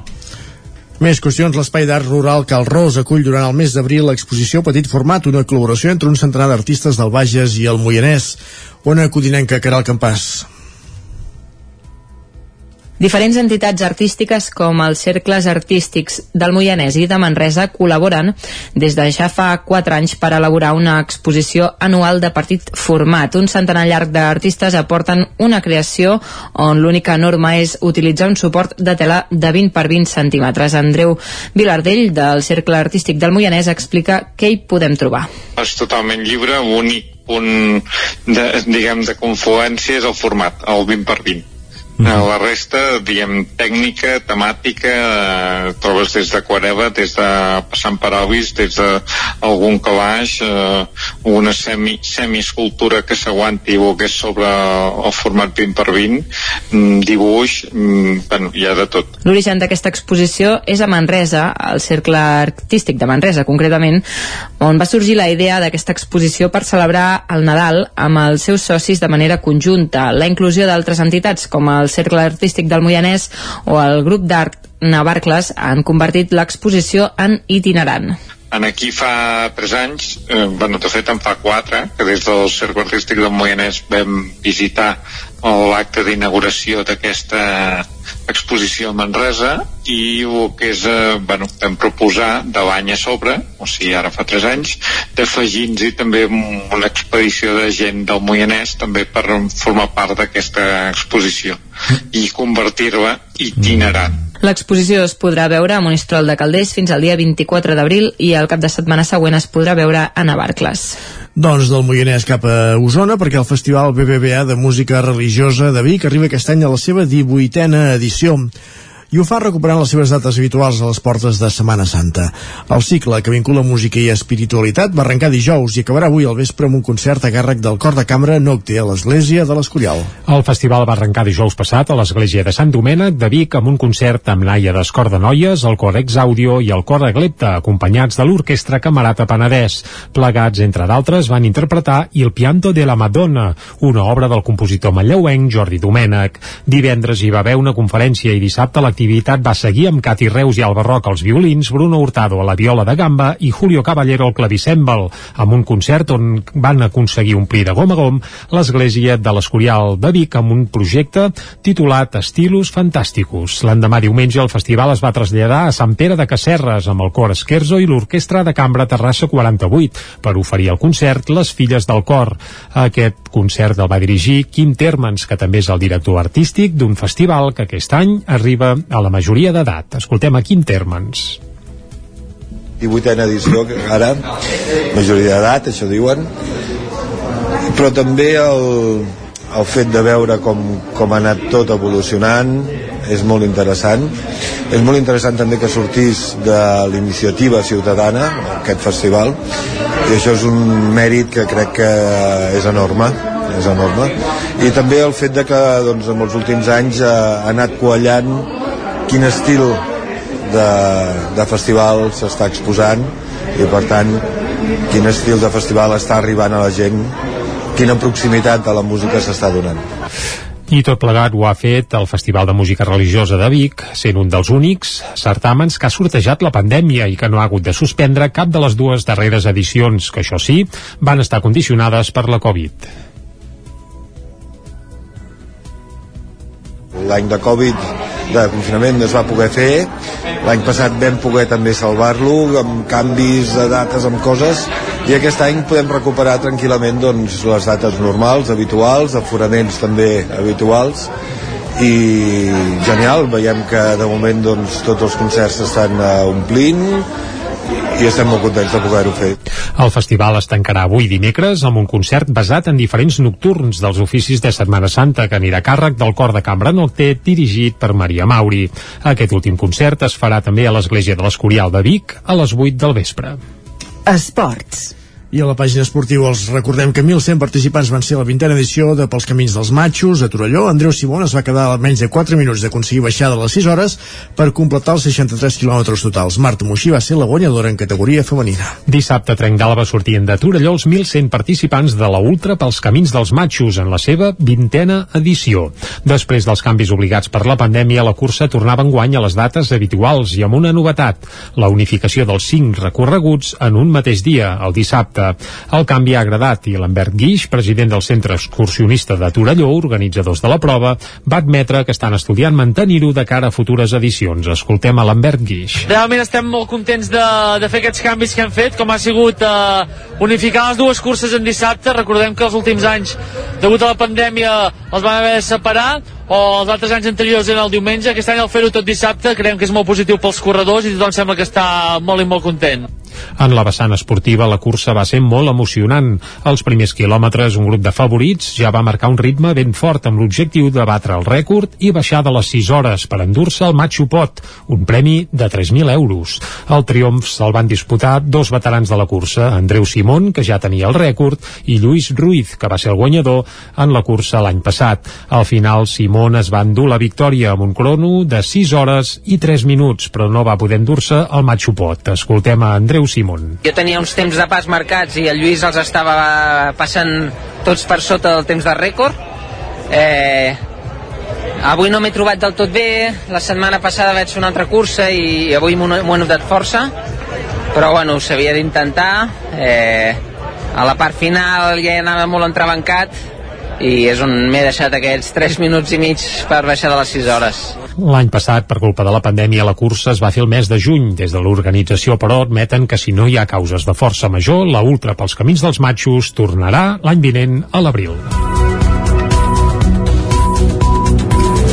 Un quart de 12 al territori 17, després d'aquest repàs informatiu que hem fet en companyia de Jordi, Sunyer, Isaac, Muntades i Caral Campàs, el que fem és endinsar-nos al territori sostenible, tot seguit amb en Jordi Givert. Territori 17. Envia'ns les teves notes de veu per WhatsApp al 646 079 023. 646 079 023. WhatsApp Territori 17.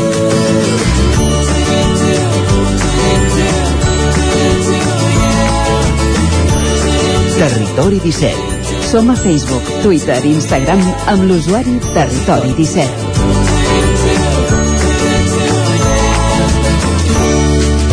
I avui al Territori Sostenible anem fins a una codinenca amb en Jordi Givert per parlar de mones, de mones sostenibles. Som-hi! S'acosta Pasqua, ja estem a les portes de Setmana Santa i per tant avui volíem fer un recorregut per les pastisseries del nostre territori i volíem començar a Castellterçol parlant amb l'Elias Miró de la pastisseria Mi- Miró que també és, a més a més, el president del Gremi de Pastissers de Barcelona.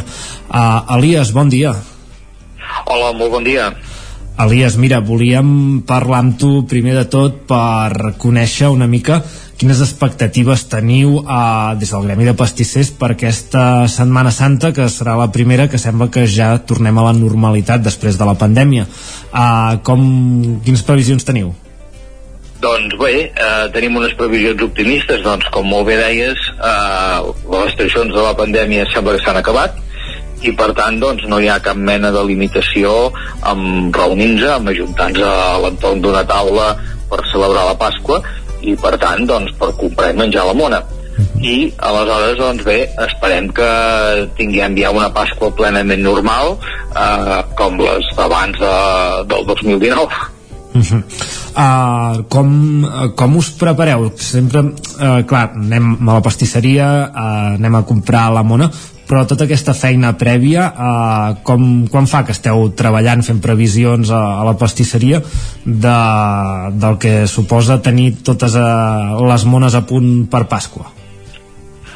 Bé, doncs això té un procés que comença doncs, amb el tema de la xocolata, perquè doncs, és un tema doncs, que es conserva perfectament, i aleshores doncs, eh, durant ja el mes de, de febrer, diguéssim que amb un parell de, de, de mesos d'antelació, doncs ja comencem a preparar tot el que són els temes de, de xocolata més entretinguts, no? tant si són figures de, de molla, els típics ous, els típics conillets, com si són figures més artesanes, més, més, amb, amb més feina, no? Uh -huh. Tot això és una feina prèvia i ja la darrera setmana doncs eh, sí que ens centrem en l'elaboració de les tortades i, i pròpiament doncs els pastissos de bona.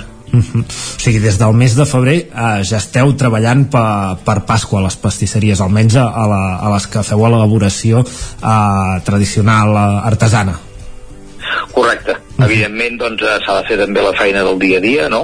Però, però aleshores, doncs, eh, quan estem llestit el dia a dia, doncs es va, es va preparant tot el que és el tema de xocolata, doncs, que, que té bona conservació uh -huh. i moltes hores de feina i aleshores doncs, el, anem, el anem preparant perquè doncs, eh, aquests darrers dies doncs, estem centrats més amb el, amb el tema de, dels pastissos uh, de, de l'elaboració de, del pastís uh, clar uh, sempre uh, des de la ràdio també uh, volem potenciar el, el producte local de proximitat ja que som ràdio local.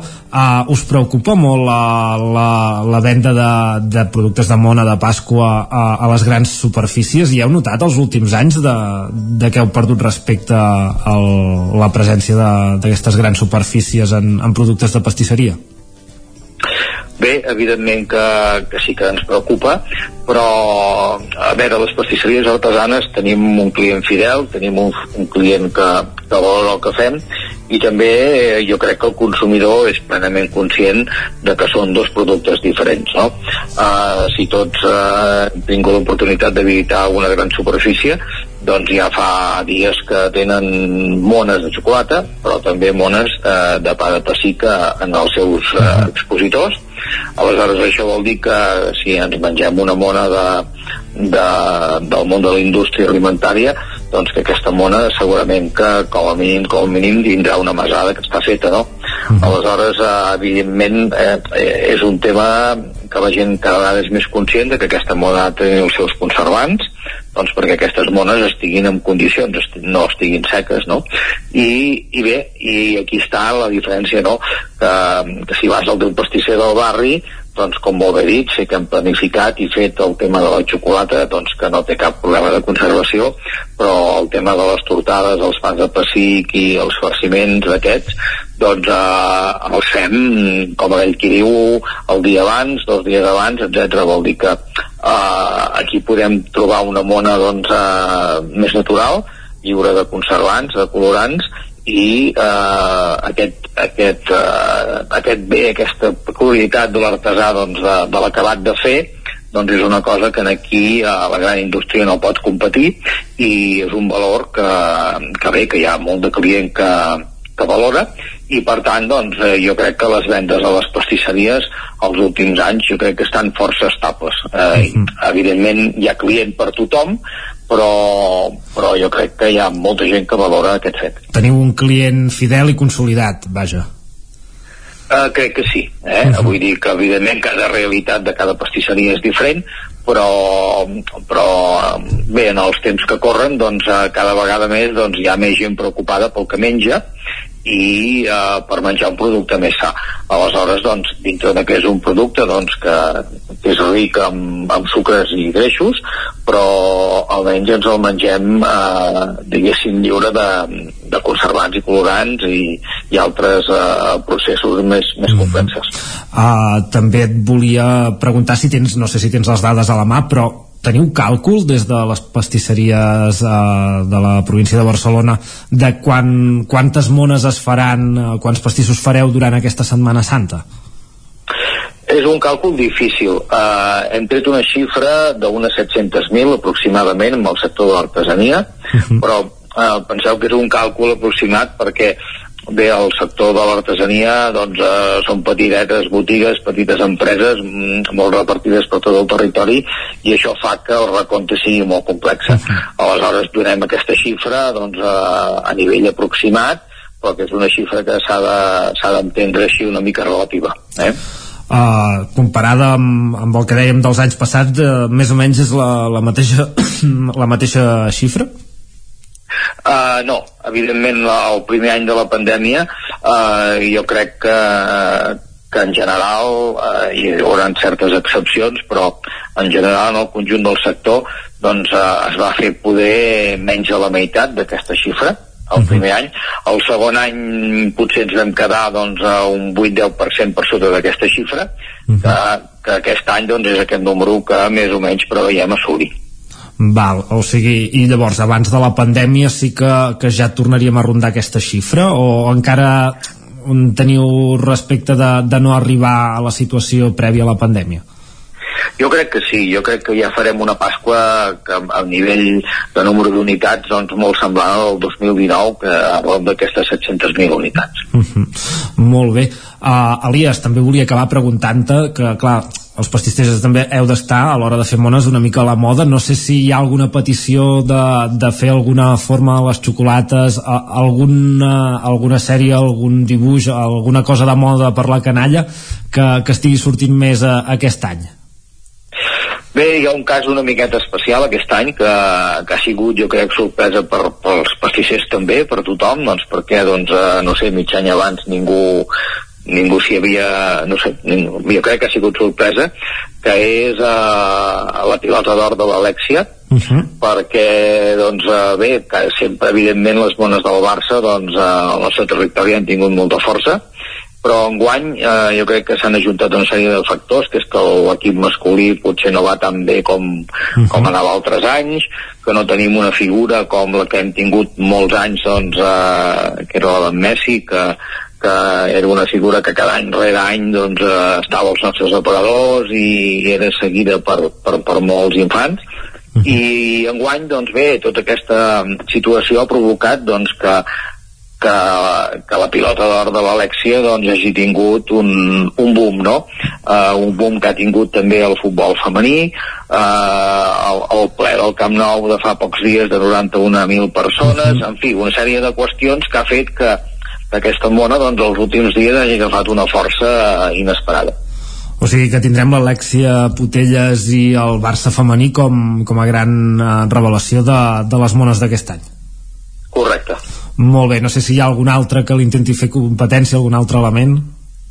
Uh, sí, evidentment que també hi haurà sèries uh, una mica pels, pels més grandets, aquestes sèries de la Casa de Papel, de, de la sèrie del Calamar, que, que ja són potser unes mones doncs, un pèl més adultes. Després, uh, pels, pels petits doncs, també tenim uh, un, un personatge doncs, que fa anys que, que havia estat entre nosaltres i que aquest any també no sé per quina raó doncs, sembla que ha pres força que és el Pikachu dels Pokémon Uh -huh. que, no, que també bueno, eh, d'allò i després eh, a nivell de, dels superherois el, el, el Superman no, ja, perdó, el Superman no, l'Spiderman sembla que també eh, es vol quedar en una posició destacada eh, tots ells eh, seran visibles però sobretot l'Spiderman està apretant també Molt bé, doncs, Elias Miró, eh, president del de, Gremi de Pastissers de Barcelona, moltes gràcies per atendre'ns i tornarem a parlar amb tu per saber com, com han anat uh, la, les mones uh, un cop passat uh, Pasqua. Molt bé, doncs eh, desitjo molt bona Pasqua a tothom.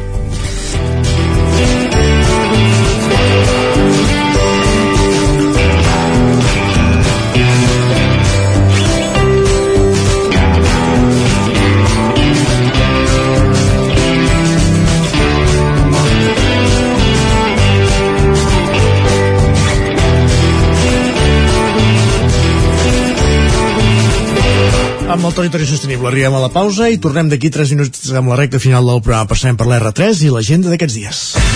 El nou FM, la ràdio de casa, al 92.8. Rètols 2A. Experts en comunicació visual.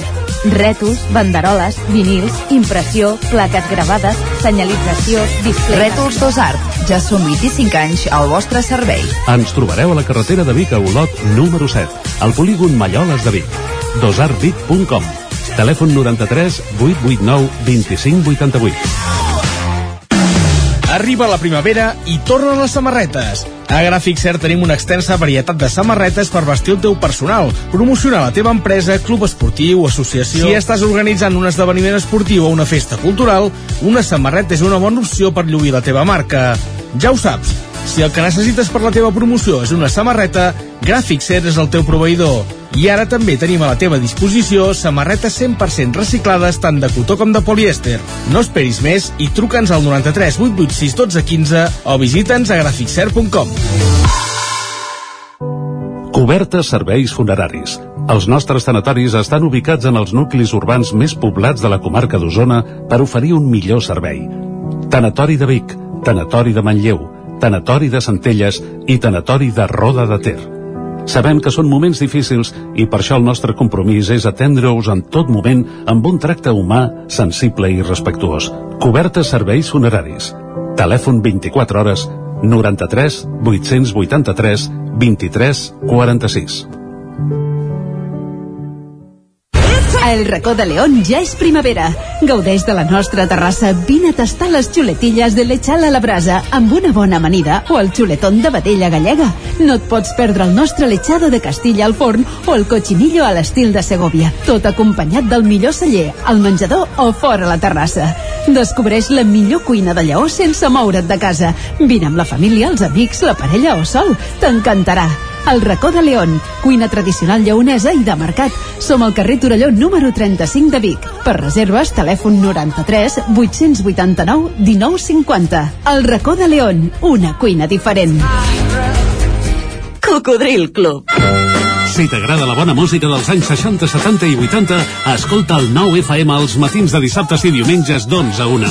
És el temps del Cocodril Club, tot un clàssic de la ràdio, amb les bases del pop-rock, les llegendes, les cançons que s'han convertit en autèntics himnes.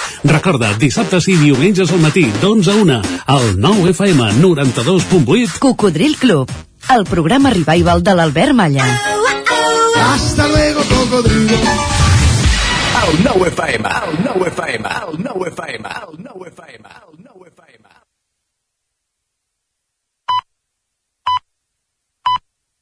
Territori 17.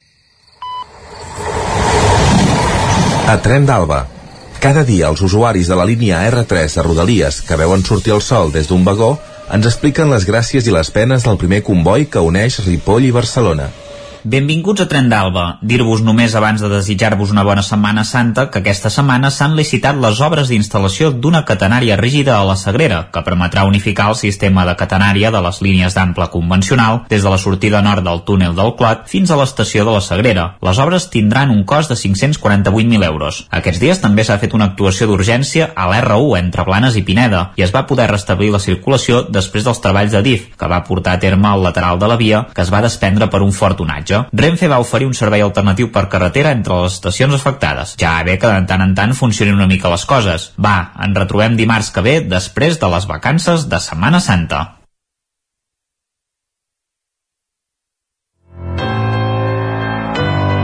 Territori, Territori 17. 17. Territori 17.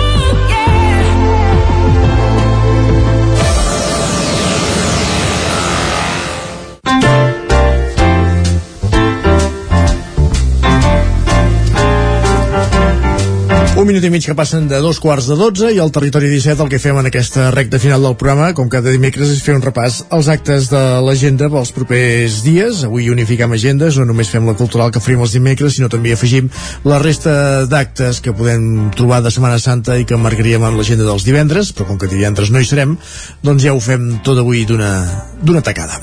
I comencem aquest recorregut als estudis de Ràdio Televisió Cardeu en companyia de l'Òscar Muñoz, aquí ja saludem. Bon dia, Òscar. Bon dia. Què tenim? Què ens portes per la gent d'aquests dies?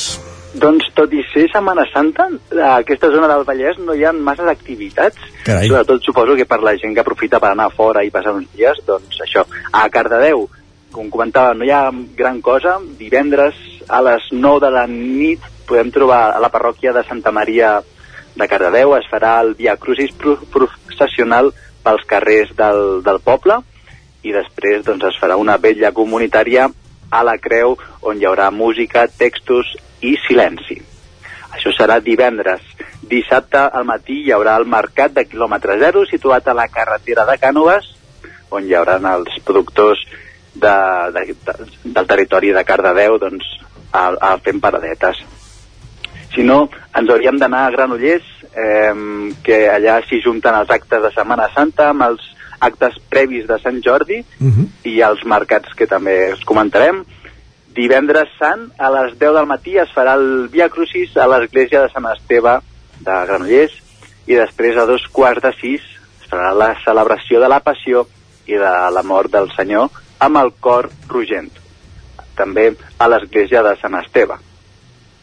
Dissabte es faran els mercats de, al matí els clàssics mercats de Granollers, el mercat de segona mà de Can Bassa, el mercat dels encants solidaris de l'Assemblea d'Aturats a la plaça de Can Trullàs, la Fira de Productes Naturals eh, a la plaça de les Olles i el, i el Mercat de Productes Ecològics i de Proximitat també a la plaça de la Corona amb els pagesos i productors ecològics del territori.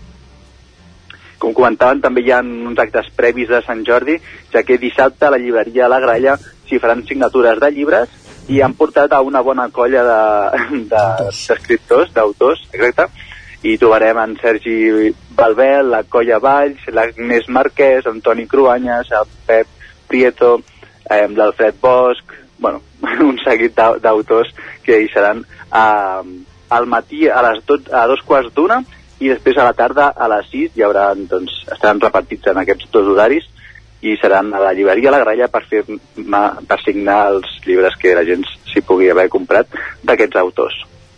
Molt bé. I com comentàvem, això, pocs actes, eh, aquests serien els, el recull de, dels principals actes que hem trobat per aquesta zona del Vallès. Perfecte, Òscar, doncs bon cap de setmana i bona Pasqua. Ens retrobem dimarts. A vosaltres, que vagi bé. Adéu-siau doncs una zona del Vallès Oriental amb poca activitat de Setmana Santa i anem cap a una altra zona del Vallès Oriental. Ha tocat també amb el Moianès saludem la Caral Campàs, bon dia Caral Hola, bon dia. Com tenim la gent d'aquests dies? Doncs mira, està força plena, sobretot al Moianès, eh, però bé, començo per Caldes de Montbui. Aquí a, aquest diumenge eh, tenim la Fira d'Antiquaris i Brocanters del mes d'abril, que, que bé, com, com sabeu, eh, té lloc al municipi de manera habitual el tercer diumenge de cada mes. I bé, serà per...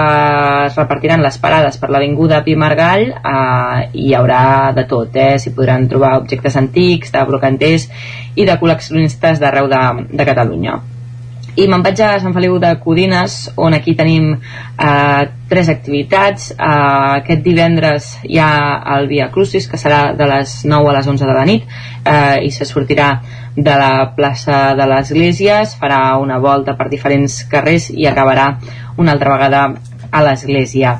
També tenim la cluenda de la 39a edició del concurs de teatre amateur Vila de Sant Feliu de Codines. Eh, això serà aquest diumenge després de de, bé, de setmanes i de diumenges amb diverses representacions teatrals eh, s'acaba doncs, aquest concurs on es repartiran tots els premis i com us deia, eh, això serà eh, diumenge de 7 a 9 de la tarda al Casal Cultural Codinenc i tanco Sant Feliu de Codines amb una actuació que organitzen l'agrupació sardanista de Sant Feliu de Codines. Serà aquest dilluns eh, de 6 a 8 del vespre és el tradicional aplec del Villar amb la Copla Ciutat de Terrassa i serà doncs a prop de la, de la masia del, del Villar i amb tot això doncs entro ja a la, a la comarca del Moianès. Um, aquí tenim a Santa Maria d'Oló doncs, hi ha diferents poblacions, igual que, que Sant Feliu de Codines se, se celebra doncs, la Pasqua amb diferents representacions doncs, religioses.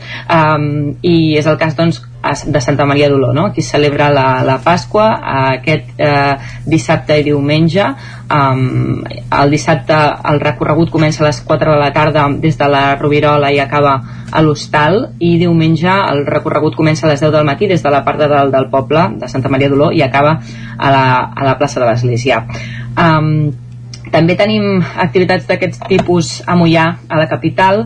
Um, aquí, doncs, uh, dijous, uh, divendres i dissabte uh, passat ja hi van haver doncs, algunes representacions i uh, demà mateix també n'hi ha, doncs, uh, són els armats, uh, això serà doncs, dijous sant a les 9 del vespre a la, a la plaça Major amb les tradicionals evol evolucions, la creu, el quadre, la, el rellotge, la cadena i l'esgrima.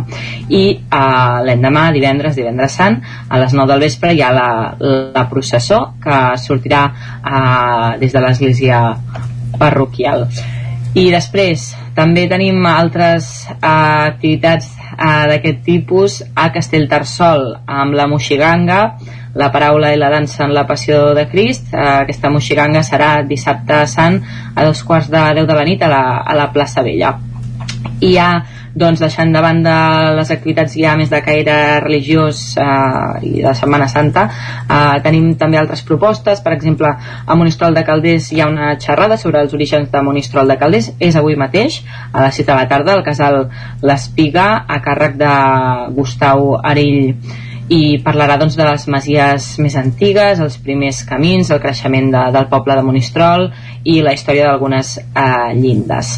També tenim eh, una activitat que proposen des de les Joventuts Musicals de Mollà, comencen una nova edició del cicle de joves talents Maria Vilardell Vinyes. Eh, L'actuació serà dissabte, aquest dissabte 16 d'abril a les 6 de la tarda, a l'Auditori de Sant Josep, amb actuació d'Adrià Pere al piano i Sara Serrano també eh, al piano. Eh, i acabo amb, amb tres activitats més. Eh, aquest dissabte a l'estany celebren la festa de, de primavera amb diferents activitats a matí i tarda com per exemple a les 10 hi haurà caminada per la ruta de, dels pintors eh, i a la tarda hi, ha, hi haurà segway i tiramarca a la zona de les escoles eh, entre d'altres activitats. Eh, aquesta festa de primavera a l'estany aquest dissabte i després, com us deia, dues, dues, dos apunts més. Uh, la Fira d'Art i Natura a Castellcí que ja fa uns dies que està en dansa però bé, que acaba demà i eh, pels diferents carrers de, del poble de, de Castellcí hi ha aquesta Fira d'Art i Natura. I acabo amb una proposta esportiva. Aquest dilluns a Monistrol de Caldes hi ha la trentena caminada popular. Se sortirà a les 8 del, del matí i hi ha dos recorreguts, un de curt de 11 quilòmetres i un, i un de llarg de 14 doncs tot anotat, moltíssimes gràcies Caral a vosaltres, bona Setmana Santa. Bona Setmana Santa, bona Pasqua i fins dimarts. Adeu-siau Adeu Continuem aquest recorregut d'una continent que anem cap al Ripollès a la veu de Sant Joan amb l'Isaac Muntades, bon dia. Bon dia Isaac. Com estem? Bé, bé, bé, bé. Estem bé, estem bé. Estem tranquils estem. Molt bé, i a punt de repassar l'agenda Sí, amb això no estem tan tranquils perquè l'agenda va molt plena, va, va farcida. La Setmana Santa aquí al Ripollès doncs, eh, té dos processons que no, no es troben a tot arreu uh, que a més a més uh, tornen després de, de dos anys d'absència com ja us hem explicat a l'informatiu la, comencem destacant-vos uh, la vacant de Bànol que ja sabeu que, bé, que és única al món per tenir els passos vivents això que les, les persones fan de figures eh, estàtiques i mudes damunt de les carrosses, que això no, no es troba en cap altre processó, i això començarà doncs, eh, aquest dijous sant amb l'entrega de, tradicional del pendó de la processó doncs, a totes les autoritats presents a davant de l'Ajuntament per part doncs, de, dels romans i prèviament els soldats romans doncs, també hauran fet una desfilada pels carrers del poble, que això serà a partir de les 5 de la tarda. Uh, la processó en si, com sempre, evidentment, doncs, el divendres sant, que enguany eh, doncs amb el canvi d'hora doncs començarà molt de clar, altres anys que és més d'hora doncs eh, s'enfosqueix en seguida però aquí, aquí també començarà a dos quarts de nou del vespre, eh, sortirà des del pavelló Guix, com, com és habitual, i una orquestra l'acompanyarà durant tot el recorregut pels carrers del poble, i al final doncs, eh, tocaran la peça de, de record i memòria a davant de l'església, que també és un dels punts eh, àlgids, diguéssim, d'aquesta processó de Can Davano. Uh, a Camprodon també tenim processó. Els actes també començaran doncs, aquest dijous sant amb la concentració del maniple uh, davant del monestir de Sant Pere cap allà a les 8 del vespre.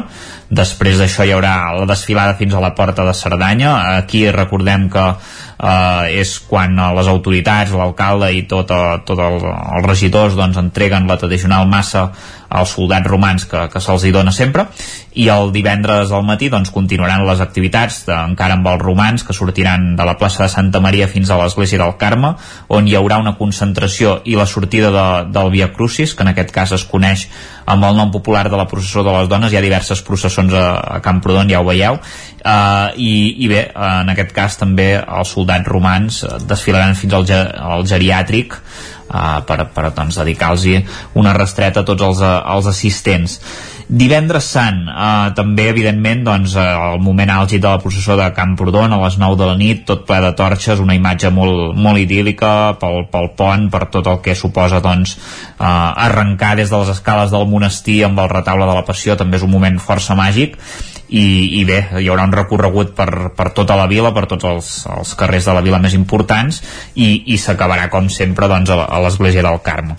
Això serien la, les dues processons que tenim. Hi ha també altres activitats de Setmana Santa a Ripoll, també començaran aquest divendres sant amb el repic de la matraca a dos quarts d'onze del matí a les 11 també hi haurà el Via Crucis a la plaça Bat Oliva i a partir de les 5 de la tarda l'Ofici de la Passió i el dissabte sant es projectarà el documental Montserrat retorna a l'essència, dos quarts de set de la tarda al casal parroquial i a partir de les 8 del vespre hi haurà la vetlla pasqual. Um, no acabem aquí perquè dissabte, ara ja fora una mica de tot el que serien els actes de la processó, a Ripoll es presentarà des de dins de mi, de Lluís Maria Xirinacs Damians, que és una autobiografia des de l'any uh, 1932, això serà a les 12 del migdia a la llibreria Lluerna, encara en, en l'àmbit literari, anant cap a Can de Bànol, a la Torre de mossèn Tor, es presentarà la trilogia de les tres papallones de l'escriptora Sílvia Vilacorba, que són novel·les romàntiques i eròtiques, en què intervindrà doncs, eh, la mateixa autora, la mestra i poeta Carri Dorca, l'editor Josep Oliveres i el pintor i activista cultural Avalí Adam. Això serà també dissabte a les 7 de la tarda. Uh, a Planoles, també dissabte, al Teatre Casino, dos quarts de vuit del vespre, hi haurà l'obra de teatre L'Home Orquestra, que ja sabeu qui, qui la fa, l'humorista usonenc Peyu, que sens dubte farà riure molt, molt al públic de, de Planoles, i bé, les entrades anticipades es poden comprar ja per, per 12 euros, a taquilla en costaran uh, 15 Tornem un moment a Ripoll perquè a les 9 del vespre, el mateix dissabte també al Teatre Contal hi haurà el concert gratuït dels alumnes que han participat a la Crida. La Crida és una formació internacional en música i cultura tradicionals dels països catalans, doncs dreçada a músics joves de, de música clàssica, moderna, jazz i tradicional, que està organitzada per l'Orquestra de Músiques d'Arrel de Catalunya i que s'ha dut a terme doncs, a les Llosses i aquí faran doncs, aquest concert, com us deia, gratuït. Um, I ara acabem amb Ribes de Freser, que, que també té uh, un cap de setmana amb bastantes activitats perquè aquest diumenge se celebra la 21a edició de la Fira Formatgera de la Vall de Ribes a la plaça del Mercat amb parades i mostra artesana durant tot el dia i també hi haurà activitats com un taller de mató per a infants a les 10 del matí a la 1 del migdia i doncs a les 7 de la tarda hi haurà el tastets de, de formatges del territori i de 6 a la 8 de la tarda el farcell de jocs tradicionals. Quin dia has dit um, això, Isaac? Perdona. Això és diumenge. Diumenge, diumenge tindrem aquesta, aquesta fira formatgera. I de fet no ens movem de, de Ribes perquè també diumenge tindrem, tindrem uh, teatre, en aquest cas el Teatre Municipal amb l'obra de Jordi Coromina i Francesc Bravo titulada del caos a l'èxtasi, l'univers poètic de David Jou, que començarà doncs, a les 7 de la tarda i les entrades es poden adquirir per 10 euros l'anticipada i 15 a la taquilla.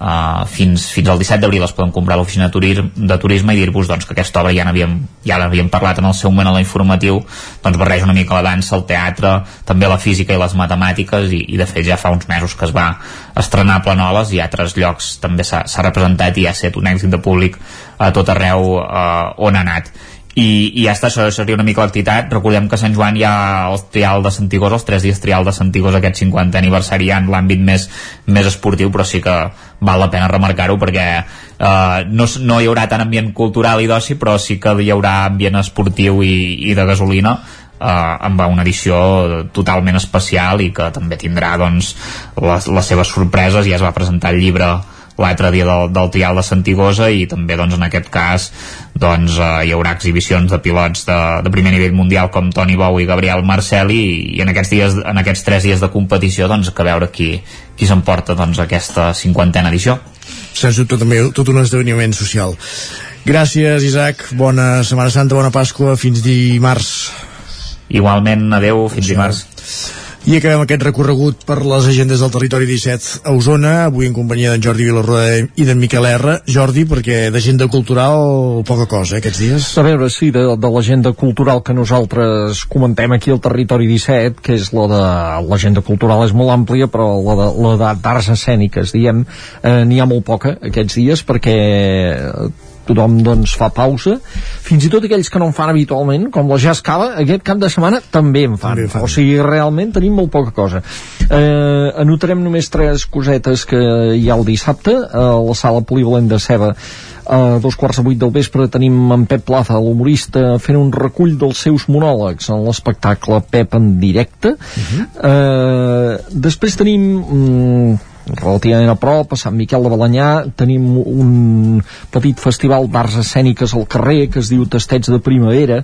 Durant tot el dia que tindrà, doncs, per exemple, al matí a dos quarts d'una un vermut eh, musical amb, el, amb pelat i pelut, però en format no l'ampli, sinó el format original de, de duet i després hi ha dos espectacles de dansa, de dansa contemporània al Teatre de Sant Miquel de Balanyà a partir de dos quarts de set de la tarda. Són dos espectacles breus creats per la companyia Tunet, eh, que és una proposta que ve doncs, d'un productor musical i, i artista musical i, i artista visual eh, una es diu precisament Tunet i després l'altra es diu Hybrid, eh, Hybrid, eh, un espectacle de dansa urbana experimental.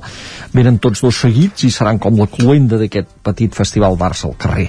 I després també el mateix dia el dissabte a les 8 de vespre a Vic eh, a l'espai de, de, de, de la botiga eh, de, de, de Piano Met, eh, que, que és un espai que també és espai escènic, a la vegada que també és espai comercial, i actuen Pau Andrell, el violí, i Arola Masquer, el piano, i ja està, i aquí ho tenim, aquí Joan Polit. Eh, potser recordem com que tenim una mica de temps per fer-ho, oi? Eh, que aquests dies també són dies que es poden visitar exposicions sí. eh, eh, que formen part de l'agenda cultural també, encara que dic que normalment aquí que parlem d'arts escèniques, però eh, sobretot potser destacaríem aquests dies que, que es pot veure que s'ha inaugurat fa molt poc, estarà oberta fins a final de maig, una exposició que es titula Seri, d'un artista del Celso Pereira eh, a l'espai del Museu de l'Art de la Pell, l'espai d'exposicions temporals del Museu de l'Alt del Pell. És una exposició d'una subtilesa increïble de dibuixos eh, que semblen que siguin abstractes però en realitat responen a uns paisatges. Eh, és per anar-hi molt tranquil·lament, deixar-s'hi submergir en aquell, en aquell ambient, entrar-hi, a, a unes obres amb, unes, amb, uns, amb sobre paper, paper blanc, amb unes, veurem com unes taques que, que, de color negre fetes amb grafit eh, dintre de, del dels espais del paper. I, i, eh, i entrant-hi doncs veureu que eh, hi ha uns paisatges concrets formen part de la vida de l'artista dintre d'aquestes dintre d'aquestes obres. Eh, apuntem-ho, exposició sèrie de Celso Pereira al Museu de l'Art de la Pell i després també tenim una exposició a la sala 3 en 1, la sala fotogràfica del carrer de la Ramada de Vic de l'Eix Soler, es diu Still Life i és una reinterpretació dels temes dels bodegons clàssics dels uh mhm. -huh. bodegons de tota la vida a través de la fotografia contemporània i fins i tot doncs eh, podem recordar també que continua oberta el Casino de Vic a la sala d'exposicions l'exposició de Llorenç Pret, un artista que ha retratat les persones del casino, la gent que, que hi va, eh, la, la gent que, que els habituals del, del casino de Vic. Aquests dies doncs, també es pot veure aquesta mostra i aquí acabem. Moltes gràcies Jordi i ara sí continuem amb en Miquel R per parlar més d'activitats de, de, de Setmana Santa o activitats de, de cap de setmana que podem trobar aquests dies a Osona. Doncs sí, pròpiament, pròpiament de Setmana Santa, no? aquest substrat, eh, digui gairebé etnològic que, que, que implica la Setmana Santa, recollir una mica el fil del que ens deia l'Isaac, no? amb les processons, amb tot el reguitzell de processons. Sí. A Osona faríem el salt de les processons, diguéssim, que es viuran al Ripollès el divendres sant, a les cantades de caramelles, especialment el diumenge, uh -huh. el diumenge sant. Recordem-ho, hi han cantades eh, encara eh, molt, molt, molt vinculades doncs, a Viladrau, a Centelles, a Vic, el diumenge al migdia. Eh, us en citaria dues de molt històriques, per exemple, a Santa Eulàlia de Riu Primer, on es manté molt viva també la cantada de caramelles, són 43 edicions. Aviat has dit. Això serà diumenge al migdia, sortint d'ofici, eh, d'oficis a dos quarts de dotze, sortint d'ofici hi haurà doncs, els ballets populars i les cantades de caramelles, tenen tres colles, eh, els d'infants, els, els mitjans i els grans, i eh, menció especial també a Sant Julià de Vilatorta per les caramelles del Roser, estem parlant de més de 400 anys d'història, eh, d'un element festiu eh, declarat d'interès nacional, com són aquestes, les caramelles que de bon matí de diumenge ja arrencaran pels carrers de, del poble eh, amb aquesta tradicional cercavila caramelleira i que just abans d'entrar de, a missa també es podrà sentir doncs, totes les colles cantant a, a la plaça a, davant, a la plaça davant de l'església tot el tradicional repertori que, que recordem que aquest any es podrà estrenar fest, eh, finalment una caramella que es diu Festíbula, eh, que, que havia estat composta pel, pel difunt Santi Riera i Jofre Verdolet amb, amb lletra d'Anton Carrera, que ja s'havia d'estrenar el 2020 i que es va ajornar per poder reprendre-ho eh, en plena normalitat aquest any.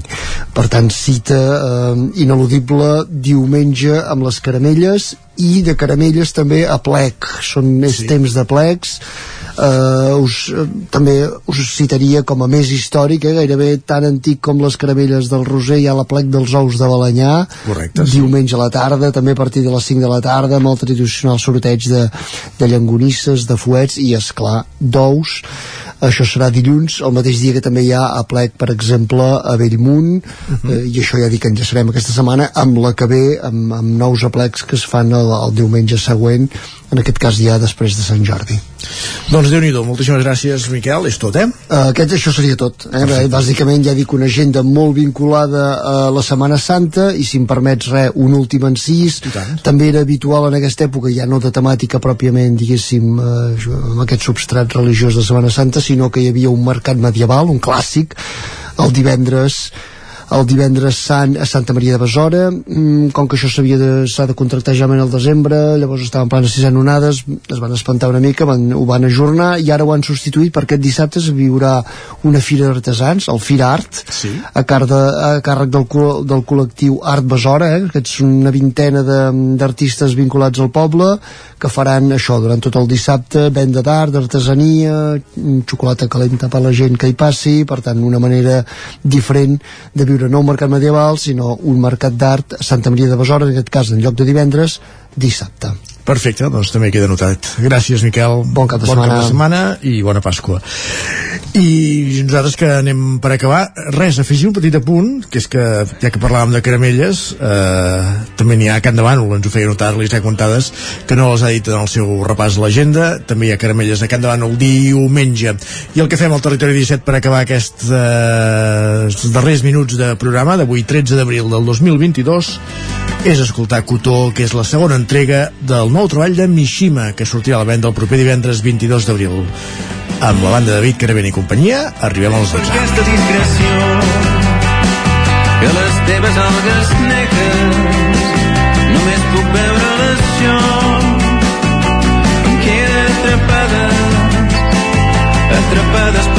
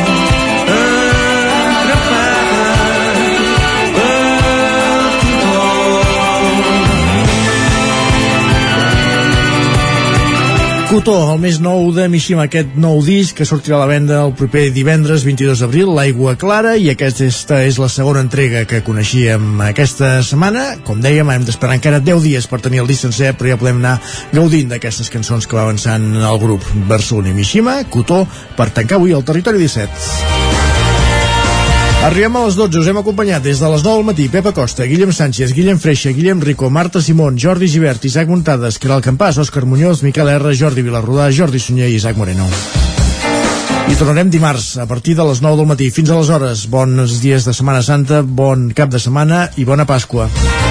Feu bondat, adeu-siau.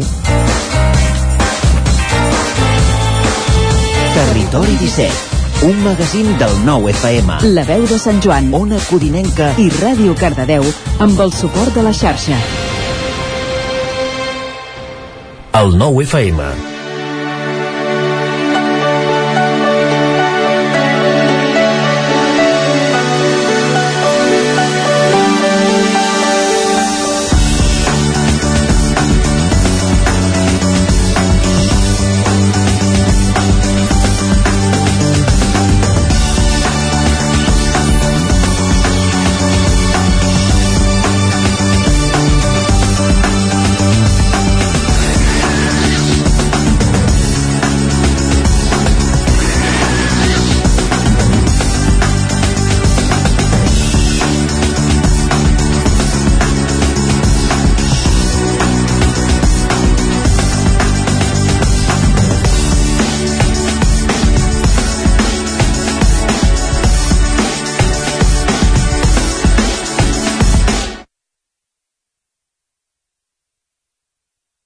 El nou FM, la ràdio d'Osona. És l'hora del racó de León.